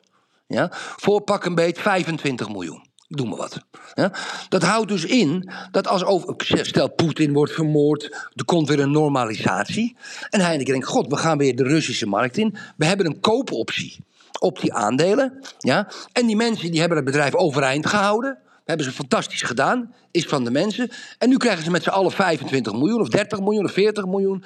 Zodat ze in die jaren het bedrijf overeind gehouden hebben. En, en, en dan kan Heineken gewoon weer doorgaan. Dat hadden ze moeten doen. Ja, maar weet je wat ik dan had gezegd? Ja, eh, tief lekker op, joh. Eh, Geef ons gewoon dat bedrijf, had ik gezegd. Wij gaan zorgen dat je geen imagoschade leidt. En niet zeuren als we straks er een succesvol bedrijf van maken. Dat had ik wel Nee, gezegd. ja, Jack krijgt lekker de pleuris. Ja, nou ja, dan zeg ik oké. nou, kopen. ja, nee, nee, niet. Nee. Kief je maar op, ben je ontslagen, vuile Ja, ja, nee, hond. dus dan krijg Ja. je nu dit, dit verhaal van follow the money. Dus ja, greed, Erik. Soms moet je, je dit leven is simpel, Erik. Je moet je verliezen. Nee, je moet in je mooi. leven. Nee, maar Alleen Erik, een goede ondernemer die, die, die, die viert zijn winst, maar die neemt ook zijn verlies als een groot man. Zeker. En dat is ook, Zeker. je moet ook je verlies nemen in het leven. Ik heb me Ja, dat zelf Ik heb koopt, heel wat is- vaak Wat is dan mis met een koopoptie? Wat? Nee, maar hoezo? Je bent zo hebberig weer. Dit is weer dat Joods journaal.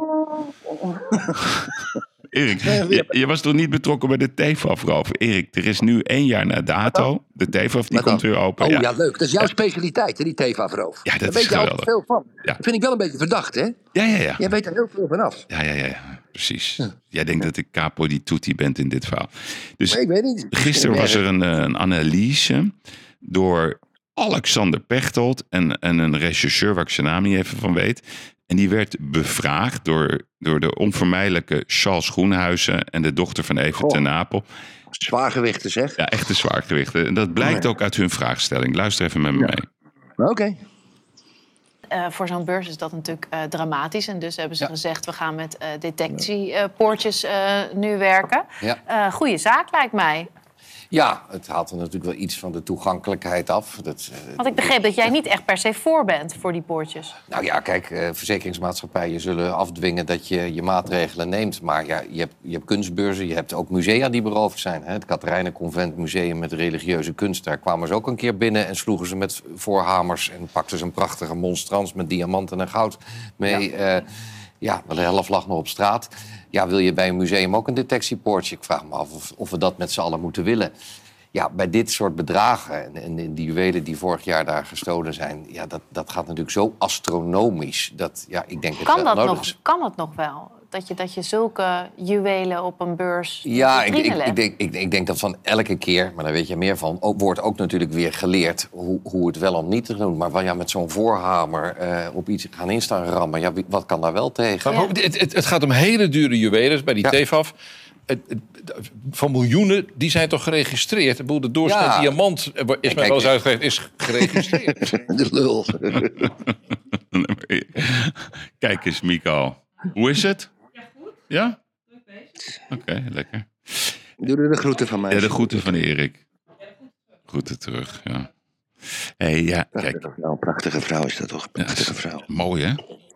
Echt een prachtige vrouw. Mhm. Dames en heren, dat is een prachtige vrouw.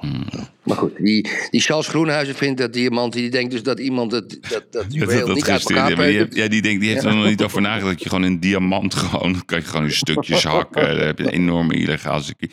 En, dan die, en, en die dochter van even te na. Ja, detectiepoortjes, ja, dat is een goed idee toch? Ja, Dus, nou, nee, ja. Gewoon, de, de- gewoon de, de, de, de krankzinnigheid vorig jaar toen ik op de TV was. Dat, dat er überhaupt dat je gewoon kon doorlopen. Ja, leg, leg in Amsterdam, Erik, een sporttas, een Adidas sporttas neer met, met, met, met 100.000 euro op straat. Hoe lang denk je dat Ja. dat blijft liggen? Ja, het is secondenwerk. Ja, dit is, ja, dit is, dat, dat hoort er nou eenmaal bij. Net zoals we geaccepteerd hebben dat we op Schiphol zijn. Dat we onze schoenen uit moeten doen. En dat ze onze, onze flesjes water in een bakkie willen gooien. En als je een parfummetje hebt. Ja, nee, sorry meneer, dat is levensgevaarlijk. Ja, dat vinden we ook allemaal normaal. Ja, dat hoort bij een beurs. Dat je gewoon detectiepoortjes hebt. En dat je profilers hebt rondlopen. Dat hoort erbij. Het is, het is krankzinnig dat ze dat nooit hadden bedacht. Die roof, ja, dat, dat schijnt nu te leiden naar de Peaky Blinders-achtige Pick Panther-beweging uit eh, de Balkan. Die werkelijk waar overal scheid aan heeft. Die ook in, in Frankrijk met een boot gewoon zwaait naar de politie nadat ze weer een kraak hebben gedaan. Het is, het is een film. Alleen de domheid om, om, om niet te begrijpen, ook van Alexander Pechtold, dat dit soort beurzen waar, de- waar de hele wereld naartoe komt met hun private jets en die komen dan eh, doeken kopen van 30, 40, 60 miljoen, diamanten lopen te schitteren voor bedragen. Ja, neem gewoon je verantwoordelijkheid als beursorganisator. Mm. En zorg gewoon dat dat gewoon veilig en goed beveiligd is. En vooral, Erik, profilers. Ik zeg het nog een keer. Dat zijn mensen waar je niet van weet en waar je niet van ziet dat ze bij jou op security horen. Die moet je gewoon strategisch over de hele beurs positioneren. En dan is de kans dat er iets fout gaat heel, heel, heel klein. Zo simpel is het. Ja, maar een paar agenten buiten, eh, als ze met de buit weg willen lopen, is dat ook behoort het ook een van de mogelijkheden met een pistool? Nee, je moet gewoon zorgen dat. eh, Het is heel makkelijk namelijk. Maar Omdat een paar het, agenten buiten op parkeerterrein, dat ze niet weg kunnen komen. De Teva, Teva het ligt vrij. ah, dat is één terrein, hè? Dat kan je makkelijk afsluiten. heel makkelijk. Heel makkelijk. Heel Oké, makkelijk. oké. Nou, oké, goed. Yves, dat is Maar mooi. gewoon die domheid, jongen. Hoe ze Ja, mag, ik een dilemma, mag ik een dilemma in de groep gooien? Mhm. En dan wil ik even aan je voorleggen en ook aan de luisteraars. Ik ben, eh, er is contact bij mij opgenomen door Paul van Riesen. Eh, wie is Paul van Riesen? Hoofdredacteur van de quote. Hoofdredacteur van de Quote. Dat is een ontzettend amabel mens, vind ik dat. Ja. Dat zeg ik niet om hem te paaien. Want die schrijf je ook eh 10 meter diep in de grond als het moet. Dat maakt niks uit. Mhm. Maar het is een amabel mens. Want ik, ik, heb, ik heb met Quote altijd, altijd een, een ontzettend goede relatie gehad. Ook in slechte tijden. Ja? Eh, Paul van Riesen heeft contact met mij opgenomen. En die zegt, we, we willen eigenlijk van de zomer een special maken... over hetgeen wat jij aan het doen bent in Portugal. Nou, ik moet er even bij zeggen dat een van mijn eerste doorbraken, dat ik in de pub- publiciteit kwam, goed of slecht, kan je over debatteren, kwam door een groot artikel in de Quote. Toen had ik de scheepswerf Shipdock gekocht met een paar honderd werknemers. En die, die, die, die werf heb ik, echt, die heb ik echt van de dood gered. Met wat slimme dingen en wat geldinjecties. Maar het ging me natuurlijk ook om de grond. Het was een soort Joods journaal. ja. Laten we eerlijk zijn in die tijd. ja. Dus, eh, Gelukkig kan je erom lachen. ja, en ik wil, en ik ben aan twijfelen, want ik wil niet, ja, weet je, ik wil niet. Ik wil, ik, natuurlijk wil ik een zegentocht. En eh, ik heb het met mijn zoon besproken. Mick zegt, nou pap, wat fijn dat quote dat wil. Dat is toch prachtig. Je hebt het zo slecht gehad. En je bent er eigenlijk weer, weer, weer, weer in de versneller. Ben je, heb je een gigantisch bedrijf gepakt. Je hoort eigenlijk alweer in de quote eh, 500 thuis. Zou de derde keer zijn. Ik zeg, nee, ik wil dat niet. En, eh, misschien kijkt de belasting. En die gaan weer zeiken. En ik weet, weet je, of, ik, ik weet het niet. Ik ben natuurlijk paranoia. Dat heb ik verleden week uitgelegd. Wat vind jij, Yves? Wat vind jij, Yves? En luisteraars, gooi het vooral op de mail. Wat vinden jullie wat ik moet doen? Hmm, mooi, mooi. Heb ik twijfel? Mooi kwetsbaar dit. Dus jij ziet beren op de weg. Zeker. Maar wel, laten we even eerst even de beren bepalen. Wel- Welke beren Ja, dat zie ze je als een clown, dat ze hem als een clown neerzetten. clown? Dat ze weer dingen uit het verleden erbij halen. Ja, Verleden. Een gevallen ondernemer. Ik ben helemaal niet gevallen ondernemer. Ik ben gewoon doorgegaan. Nee, maar wacht. dat weten ze niet. Dus clown, verleden. Je zei net ook iets belastingdienst. Nee, dat ik weer niet, niet ja. Ik, kijk, ik doe het alles echt tot in de puntjes nu, want ik, omdat ik paranoia ben. over- en je weet het, je, je, ga, je zet je jezelf weer helemaal in de spotlight. En er zijn ook helemaal mensen die hekel aan mij hebben. Om mijn grote smoel op Twitter. En ik ben natuurlijk, ik sta exponent voor, voor, voor, voor geld verdienen. Eh, eh, daar, kan ik allemaal vijanden mee creëren. En ik weet niet of dat zo handig is. Dat zijn drie dingen, die, daar, maak ik me zorgen over, Yves. oké. Dus ik noteer vijf dingen. Eh, vijanden die uit de kast komen. Ja. Het neergezet worden als een clown. Eh, Ja. Graven weer in het verleden wat al lang is opgelost. Nou ja, graven niet, maar, maar, maar, Nee, nee, vermelden allemaal. Ja, eh, eh, gezeik met instanties, Ja, mensen die die, jaloers, jaloers zijn. Oké, dus dat zijn, de, dat zijn de overwegingen. En daar heb jij ook een stukje paranoia gevoel bij. En nu even de kansen. Wat, zouden, wat zijn volgens jou dan redenen om het wel te doen? Nou, niet voor de handel, want ik, ik, ik kijk van de 100 huizen die ik verkoop, zijn er drie aan Nederlanders, Yves. Oké, dus niet voor Ja. de handel. Nee, zeker niet. Maar ik vraag, Dus maar de vraag is waarom wel? Dus, dus mijn vraag was waarom wel? Niet waarom niet, waarom wel? Ijdelheid Oké, ijdelheid. en revanchegevoelens. Revanche. Laat ik eerlijk zijn. Oké. Is een mooi artikel dat ik import. Ik, heb, ik maak prachtige gebouwen. Ik maak echt dingen die andere dingen niet maken. Die, niet, ik ben niet zo'n toeristische ontwikkelaar die alleen maar bij. Maar ik bouw ook voor Portugezen. Dat, dat doe ik niet uit filantropie. Daar maak ik winst op, maar veel minder dan normaal aan, aan die kust. En, en dat doe ik dan in de, in de aantallen. Dat is goed voor iedereen. Affordable housing noemen wij dat. En daar ben ik heel hartstikke trots op. Dus het is ijdelheid en revanche. Oké. Dus het is. eh, en ik mis nog eentje, familie. Oh. Dus trots naar de familie. Jazeker. Ja, die mis ik nog. Kijk, Ja, want kijk, Mick, Mick heeft bijvoorbeeld mijn oudste zoon, die heeft geleden voor het feit Precies. dat zijn vader een krak op zijn blazoen kreeg destijds. Ja, nou die mis, dat ja, we- dat vind ik zelf de belangrijkste. Dus, dus, Daar heb dus, jij me ook mee geholpen. Natuurlijk, we deden de podcast en dingen en positivisme. En je, je, hebt- je boek. bent onvoorwaardelijk, je bent onvoorwaardelijk, nee, je bent onvoorwaardelijk gegaan met mij, klaar. Weet je wel? Nou, en, en, en, en ja, dat, dus Mick zegt, ja, wat leuk papa. Want Mhm. het gaat ook allemaal op ons af, dat we trots kunnen zijn. Precies. Nee, want zij worden daar ook op aangesproken. Ik weet nog toen, Ja. toen wij dat dingetje hadden met dat bankafschrift. Ja, daar hebben onze kinderen weer last van. Ja, wat Ja. is dat allemaal? En, Ja, ja, dus ja, met Van Dissel. Ja. Ja. Hebben onze kinderen ook weer last van gekregen. Ja. nee, dus, dus, dus wij, wij zijn natuurlijk. eh, we hebben ook een beetje brokkenpilootgedrag af en toe. Nou, dus, dus, dus, dus laat ik het zo zeggen. Wij voldoen, wij voldoen wel aan de theorie van Johan Cruijff. Dat, dat als je meer dan de helft in je leven goed doet, doe je het eigenlijk wel goed. Nou, dat, dat, dat, dat klopt toch wel, ja? Zeker. Maar zeker, wij maken zeker. fouten. We, we hebben af en toe een, eh, een dingetje. Nou, we, we lopen niet weg. eh, we zijn Nee. soms een beetje, eh, zeg maar, eh, kort door de bocht, et cetera. Maar ja, dat- jij, ik niet hoor. Ik niet. Nee, Ik jij niet. Nee, jij niet Nee, natuurlijk. Nee, nee. jij bent... eh,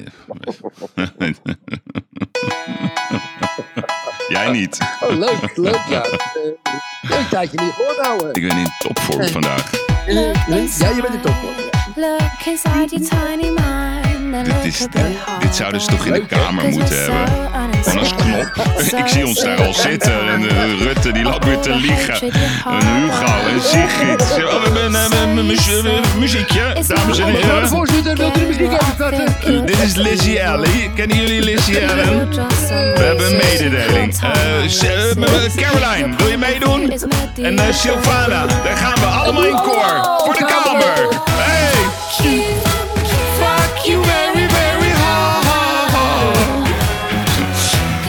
Oké, dus Erik. ehm, Ja? ja. ja. Ik, ik, ik, ik hoor eigenlijk twee dingen waarom je het wel zou moeten doen. En dat is family first gevoel en, en toch, toch ego, trots. Ja, ja, ja. Ik heb een groot ego. Ja, Dat- nee, dat ik heb je gewoon en dat is bij jou belangrijk. Ehm, en ik, ik ben zo bang dat ik dan weer, dat ze weer cynisch gaan zijn. En Ja, zo. Dat ja. Een beetje het narige. Nee, Het dus- dus eh, ik vind het- Verkoop je wel zo rust, hè? Ik vind het bijna een vraag voor de kapiteinenmunt. Omdat er is, er is geen waarheid. Want kijk, je nodigt ze uit en dan eh, zegt Paul, ah, leuk dit. En we gaan allemaal, tuurlijk Erik, en je mag het Ja. lezen. Nou, dan komt er iemand anders naar je toe. Nou, misschien Ja. vindt die persoon jou niet aardig of irritant. Nee. En die Erik met de, Ja. misschien is het een heel lekker wijf Erik. En maak jij een ongepaste opmerking. Nou, me too. Nee, dat doe ik niet. Nee, dat doe ik niet. Nee, dat doe ik niet. Ik heb daar hekel aan. Dat doe ik niet. Dus ik, ik, ik zeg je eerlijk, ik, ik heb geen ja voor je en ik heb geen nee. Mijn advies is, dit moet je echt zelf beslissen. Ik heb wel bij, Mhm. bij Paul van Ries het gevoel dat hij eh, het goed bedoelt... en dat hij een mooi ondernemend verhaal wil maken... over jouw eh Zeker. kuifje avonturen in Portugal... en wat je allemaal doet. Mhm. En hij wil dat neerzetten. En, nou, en ook je, je, je- je dingetjes die je allemaal eh, daarnaast doet. En eh, ook gewoon wie je bent. Je bent gewoon wie je bent. Come on. Dus daar mag je ook trots op zijn. Ik, ik vind zelf, hè, wat ik het leukste aan jou vind, is juist dat ongenuanceerde, maar ook het genuanceerde. Want je bent ongenuanceerd genuanceerd. Hoor je wat ik zeg? Dus, Ja, ja. Dus, dus jij hebt gewoon emoties en dat bam eruit. Je hebt ook wat jij zei aan het begin van de podcast. Oh Mo. Dan zeg je, ja, nee, maar kom op, rot eens op. Die paar mensen in, in, in, van de grachtengordel die eh, op elke slak zout willen leggen. Ja, daar heb je gelijk in. Dus de- we moeten weer toe juist ook aan, naar, naar, naar, naar een land en naar een gevoel. Dat je gewoon fouten mag maken. En dat je af en toe iets Ja, zegt. ik, En, ik, ik, ik heb een marketing, mijn marketingbaas is een homo. Ja? En, en, en, die, en, en, en, maak ik een fout. Ja, dan maak ik, ik maak een fout, lach ik een beetje op iets, het is technisch. En dan zegt hij, ja, je ben je een domme hetero, hè, zegt hij tegen me. ja, prachtig. Ja, ja, homo, weet je wel. Hij zegt, hij zegt homo. Zegt, ik kan tenminste naar de damestoilet, zegt hij lachend. Dan loopt hij damestoilet in. Ja. Als ik zeg, ja, de, de toilet is bezet, zegt hij, nee, ik kan tenminste de damestoilet in. Dat is alleen maar grappen. Nee, maar juist dat grappen dat- is zo lekker. jongen- Harde grappen Jongen. ook, Erik. Ik hou van die jongen. En die, Ja, en die, en, Tuurlijk. Maar hoef je niet eens uit te leggen. Nee, hoef ik niet eens uit te Nee. leggen. Maar Nee. Paul van Riesen, ja. Ja. Paul van Riesen, ja, goed. Blijft een journalist, hè? Niet vergeten. Nee, nee, hij wil natuurlijk een mooi verhaal maken. En hij wil het liefst een kop een kop. eh, Ja, die, krijg je ja, kop. eh, ja, en dan ja. wilde hij natuurlijk clickbaits op, op, op de, op de Ja. online site van Quote. En, en de, Ik ben terug van weg geweest. ja, dat soort dingen. dat Ja, soort ja, koppen. eh, ja, ja hoe, hoe lang moeilijk, gaat- hè? Ja, ja dat, het, het is een hele moeilijke. Kijk, het gaat erom of jij zelf gewoon het gevoel hebt van... ja, wat kan mij dat nou verschijnen? Dus De kop, ik weet, ik ga een Paul nu, als hij luistert, ga ik, de- ik, wat de kop is, en dat maakt hij natuurlijk zelf uit, zoals ik jullie al 25 jaar geleden vertelde, ik ben nog maar net begonnen. Mhm. Vind ik een geweldige kop. Zo voel ik het ook. Alles wat ik doe met de deals. Alles, alles, alles wat ik doe is, ik ben nog maar net begonnen. Anyway, da- dus ja, ja of nee, Yves? Zullen we, en dan gaan we van naar de Ja, volgende. maar ik, ik ga dus iets heel, iets heel ergs niet Yves Geirads doen. Oh? Ik, ik heb geen ja en geen nee voor je. Zo, zo, zo. Ja, dus dat, dat, dat heb ik echt niet. Want ik, ik, ik vind namelijk dat voor alle voor- en tegenargumenten redenen zijn. Alleen als je me vraagt, ja, familie en trots en dat je blij bent om je kijken. Kijk eens mij, een mooi artikel. En, en niet dat je dik doet, want zo ben jij helemaal niet, joh. Je bent gewoon de eenvoud zelf. Dus weet je, je, gaat ook nog gewoon elke keer zit je te zeuren dat een oester te duur is. Dus, Ja, tuurlijk. dus daar gaat het jou niet. Dit is, een, dit is echt een ijdelheidsvraagstuk. Jazeker, jazeker. Alleen, jazeker. de- Oké. er is maar één iemand die daar een antwoord op kan geven. En dat ben jij. Oké, nou oké. Ik, ik, ik, dus je zet me aan het nadenken. Dus er is Ja. nog geen beslissing. Paul, mocht je luisteren, eh, van het weekend komt de Ja, beslissing. nee, maar Nou, laat over- hem ook. over laat hem, homo's. ik denk dat hij hier naar moet luisteren. En dat hij, daar, daar, hij moet jou wel overtuigen. Want ja, jij werkt daar niets mee, wat ook goed is voor hem. Oké. Maar hij moet ook je onzekerheden begrijpen. Alright, Oké, heldere zaak. Dan heb ik de volgende vraag aan je, Yves. Mhm. Kijk, dat is heel belangrijk. Kijk, wij hebben meerdere malen discussies gehad over het Koningshuis. Ja? En jij hebt altijd, dat, heb je, dat, dat zei je altijd heel prachtig, hè? Wij vinden eh, eh, Maxima en Willem-Alexander en die meiden, dat vinden wij eigenlijk een eh, verkoopdirecteur van Nederland. Ja? Dat is een market, eigenlijk de afdeling marketing. Die gaan op handelsreizen, ja, zo zien wij ze. Ze kosten geld, tientallen miljoenen per jaar. Er zijn mensen over aan het klagen. En wij zeggen: ho, ho, ho, ho, ho. Dat zou best, wat wij als belastingbetaler investeren in het Koningshuis, best eens een hele goede investering kunnen zijn. Wij bekeken dat pragmatisch. Want ze, ze reizen de hele wereld over en komen ze wel een beetje in rare gebieden zoals Saoedi-Arabië en dingen, weet ik veel wat. Ja, maar er, er, er reist wel een batterij met ondernemers mee en, en, en, en politici. En die doen deals. Ja. Die, die, die, en die deals zijn weer goed voor de Nederlandse economie. Maar wat, let mij, wat, wat schetst mij in verbazing, lieve vriend. Ja, het Koningshuis, op dit moment, as we speak, zijn waarschijnlijk nu terug. Die zijn naar Slowakije afgereisd. En daar gaan ze praten over persvrijheid en gendergelijkheid. Want, en ik citeer. Op woensdag gaat het koningspaar met Slovaakse jongeren in gesprek over gendergelijkheid en vrouwenemancipatie. Nou, luister nou eens even goed, dames en heren. Ik vind het. Slowakije is een beschaafd land. Ja, dat is natuurlijk uit het ijzeren gordijn, uit Tsjechoslowakije met de splitsing. Zijn het mensen die alles weten over gendergelijkheid? Vind jij dat wij het Koningshuis hiervoor moeten aanwenden. om met jongeren in een café in Slowakije te praten met onze dominee-vingertje over gender, eh, gendergelijkheid. Ik vind het eigenlijk dit. Vind ik, als ze dit soort dingen gaan doen, dan begin ik, en dan sluit ik af, lieve Yves, begin ik echt te twijfelen over het nut van het Koningshuis. Want die twee, die moeten gewoon handel binnenslepen. En meer niet. Wat vind jij daarvan, Yves? Ik vind dat ook. Ik, ik, ja, weet je, fucking Slowakije. Ik bedoel, met alle respect. Volgens mij is de hoofdstad eh, Bratislava. eh, Ja, het is, eh, Wenen. Ja, afsplitsing van Tsjechië. Ik, ik ken het Ja. land ook niet. Komen niet ook die wielrenners daar vandaan? Zeker, Op- zeker. Pogacar en Roglic. Ja. Ja. Ja, ja. Dus die kunnen heel goed fietsen. Misschien is dat de reden waarom je ze uitgenodigd. Omdat wij natuurlijk ook een beetje een fietsland zijn. Nee, maar dit is, dit is dus het hele probleem. Zij moeten gewoon handel binnenhalen. Je moet hun het leven gunnen. Je moet Precies. hun mooie jurkjes gunnen. Maar ga nou niet lopen lullen over genderneutraalheid in fucking Oh. Bratislava. Hou eens op. Eens. We zijn het weer eens. We zijn het fantastisch eens. Nou, prima. hè, eh, Erik, even Ja, nog een... code eh, geel? ja, Code hey, geel?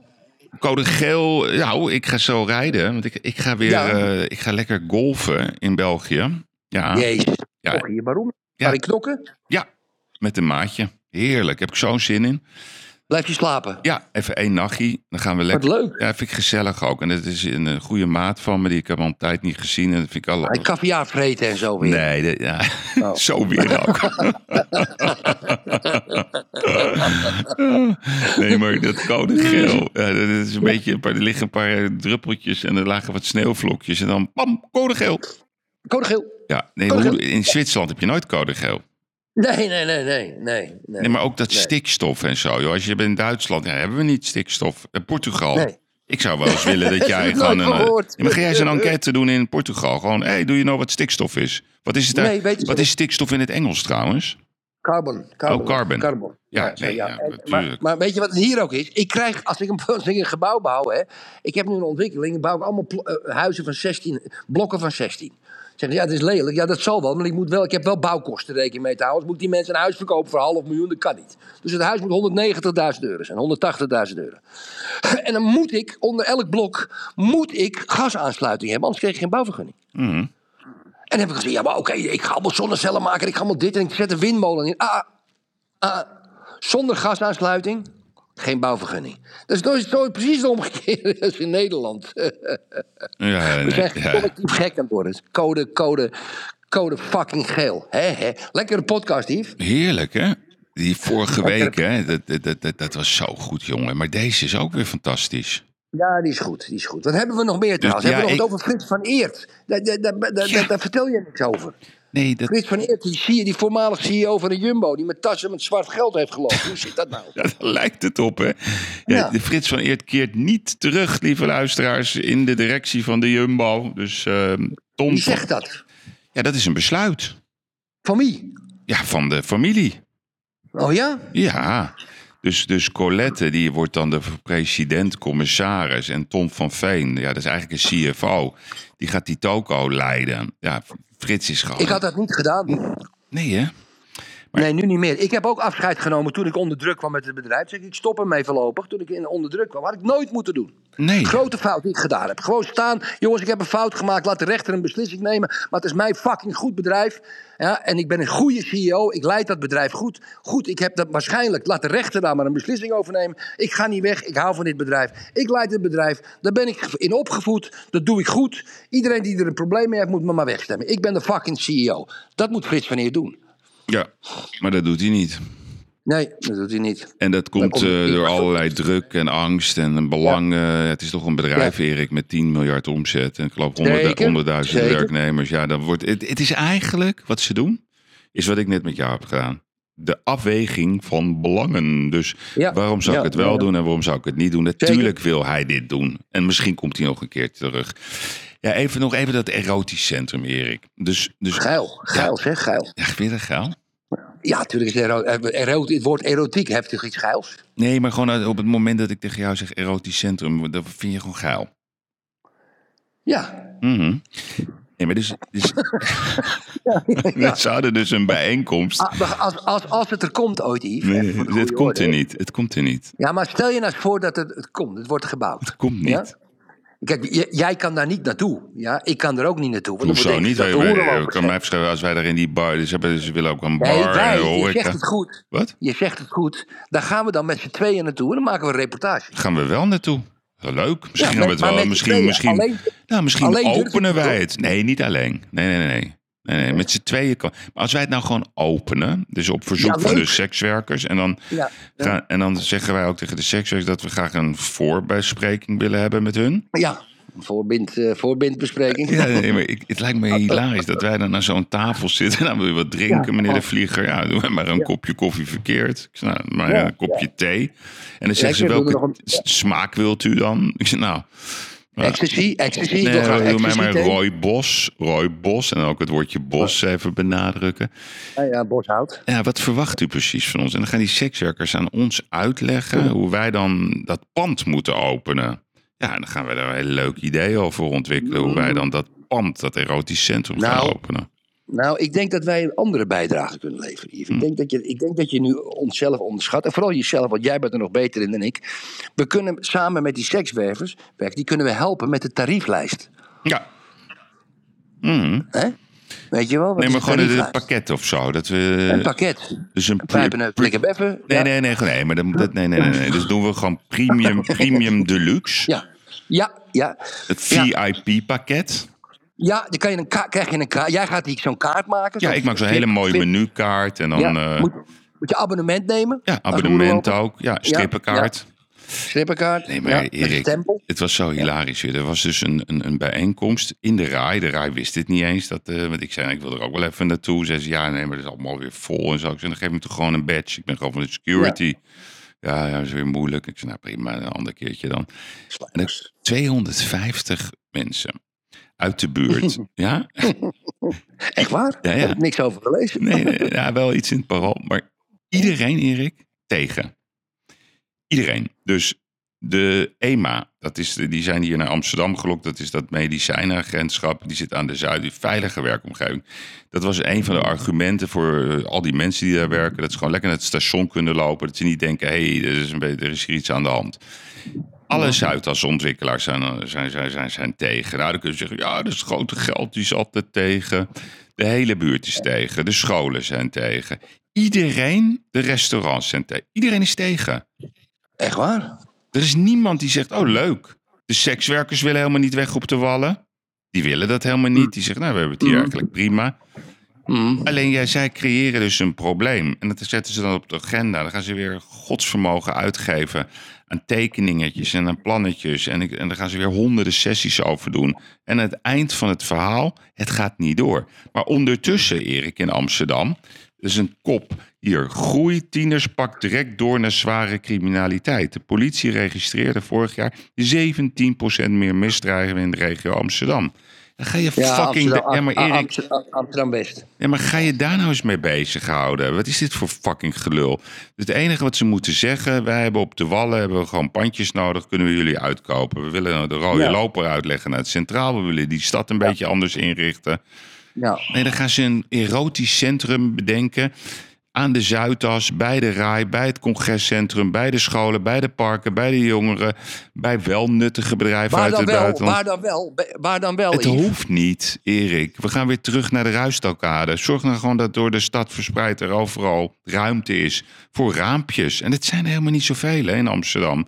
Zijn er, ik weet niet, honderden raam. Maak dat gewoon lekker prima, joh, sekswerkers.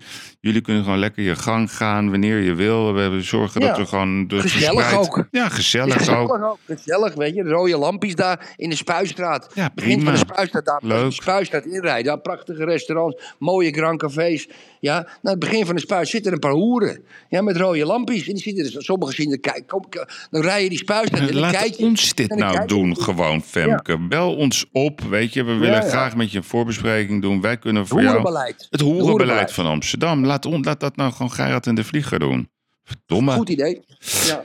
Oké, jongen. Ik ga jou Nou. eh, een, een, heerlijk eh, weekend toewensen. Eh, ja. Ja. maandag, Erik. Het is toch wel... Ik maakte trouwens een fout, hè, maandag. Toen zei ik, ja, vanavond Rutte bij Vandaag in Zuid. Maar dat is Ja, dus pas ja, volgende week maandag. Sorry, sorry. Je was, toch, je was überhaupt niet zo scherp maandag. Je was vrijdag en vandaag was je scherp. En dat kwam door het glaasje wijn wat je gedronken had maandag. Ja, ik was wel een beetje aangeschoten. Ja, Ik- je was ik een beetje... trek dat niet, die middaglunches met wijn. Dan moet ik echt gewoon Nee. een uur bijkomen daarna, weet je dat? Maar je zei ook op alles nee, hè? Zei ik dat? Was ik een beetje GroenLinks? Ja, als je- Niet. Nee, zelfs als je het met me eens was. Zeg, ja, vind jij ook dat het, eh, dat ding moet weg? Moet zei nee, maar het moet wel weg. Oké. Dan zei alleen maar nee. Dat is heel gek. Ja, raar. Dat heb ik gehoord hè, van iemand, hè, van een klant van jou. Hè? Oh, oké. Ja, ik ga er even, even, even langs bij iemand hoor. Dit gaat niet goed met mij. Nee, jij zegt dan nee en dan doe je het wel. Nee, en ik kom, ik kom me ook helemaal niet herinneren dat wij in 2006 eh, bij op één of hoe heet dat, bij Paul Witteman zaten. Ik weet het helemaal We niet. hebben tegenover Harry de Winter gezeten, Yves.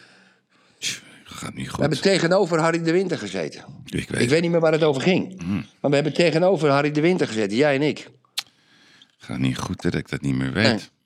Nee, dat is logisch. Ik weet ook veel dingen niet van zoveel jaren geleden. Domme, zat je ook half in de problemen en ik, maar we gingen wel. We gingen, want we wilden toen ook de Telegraaf. Nee, kopen. 2006 niet. 2006 zat ik helemaal goed.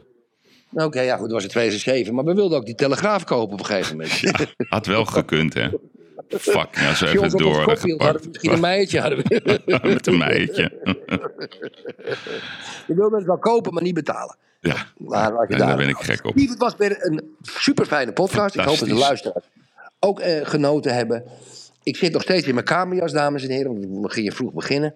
En ik ga me nu lekker douchen, aankleden. En als een speer naar het werk. Oké, wat een hartstikke idee. Maak een paar goede deals. En eh, luisteraars, goed weekend. Maandag ja, gaan we het toch even hebben over 15 maart. Dus eh, we gaan eh, beschouwen, we gaan bespreken.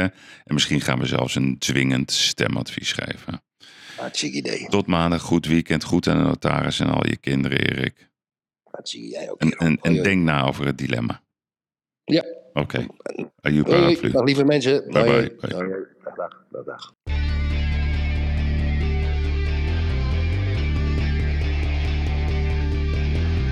Ik moet soms wat kwijt wat ik vind ervan. Littekens en jeuk, die koester ik maar dan.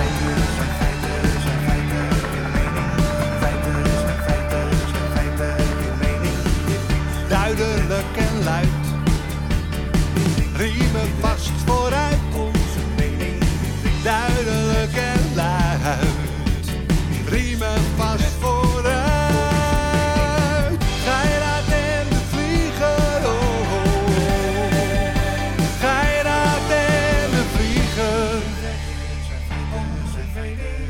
moet soms wat kwijt. Mijn mening. Meer dan 80 jaar ervaring.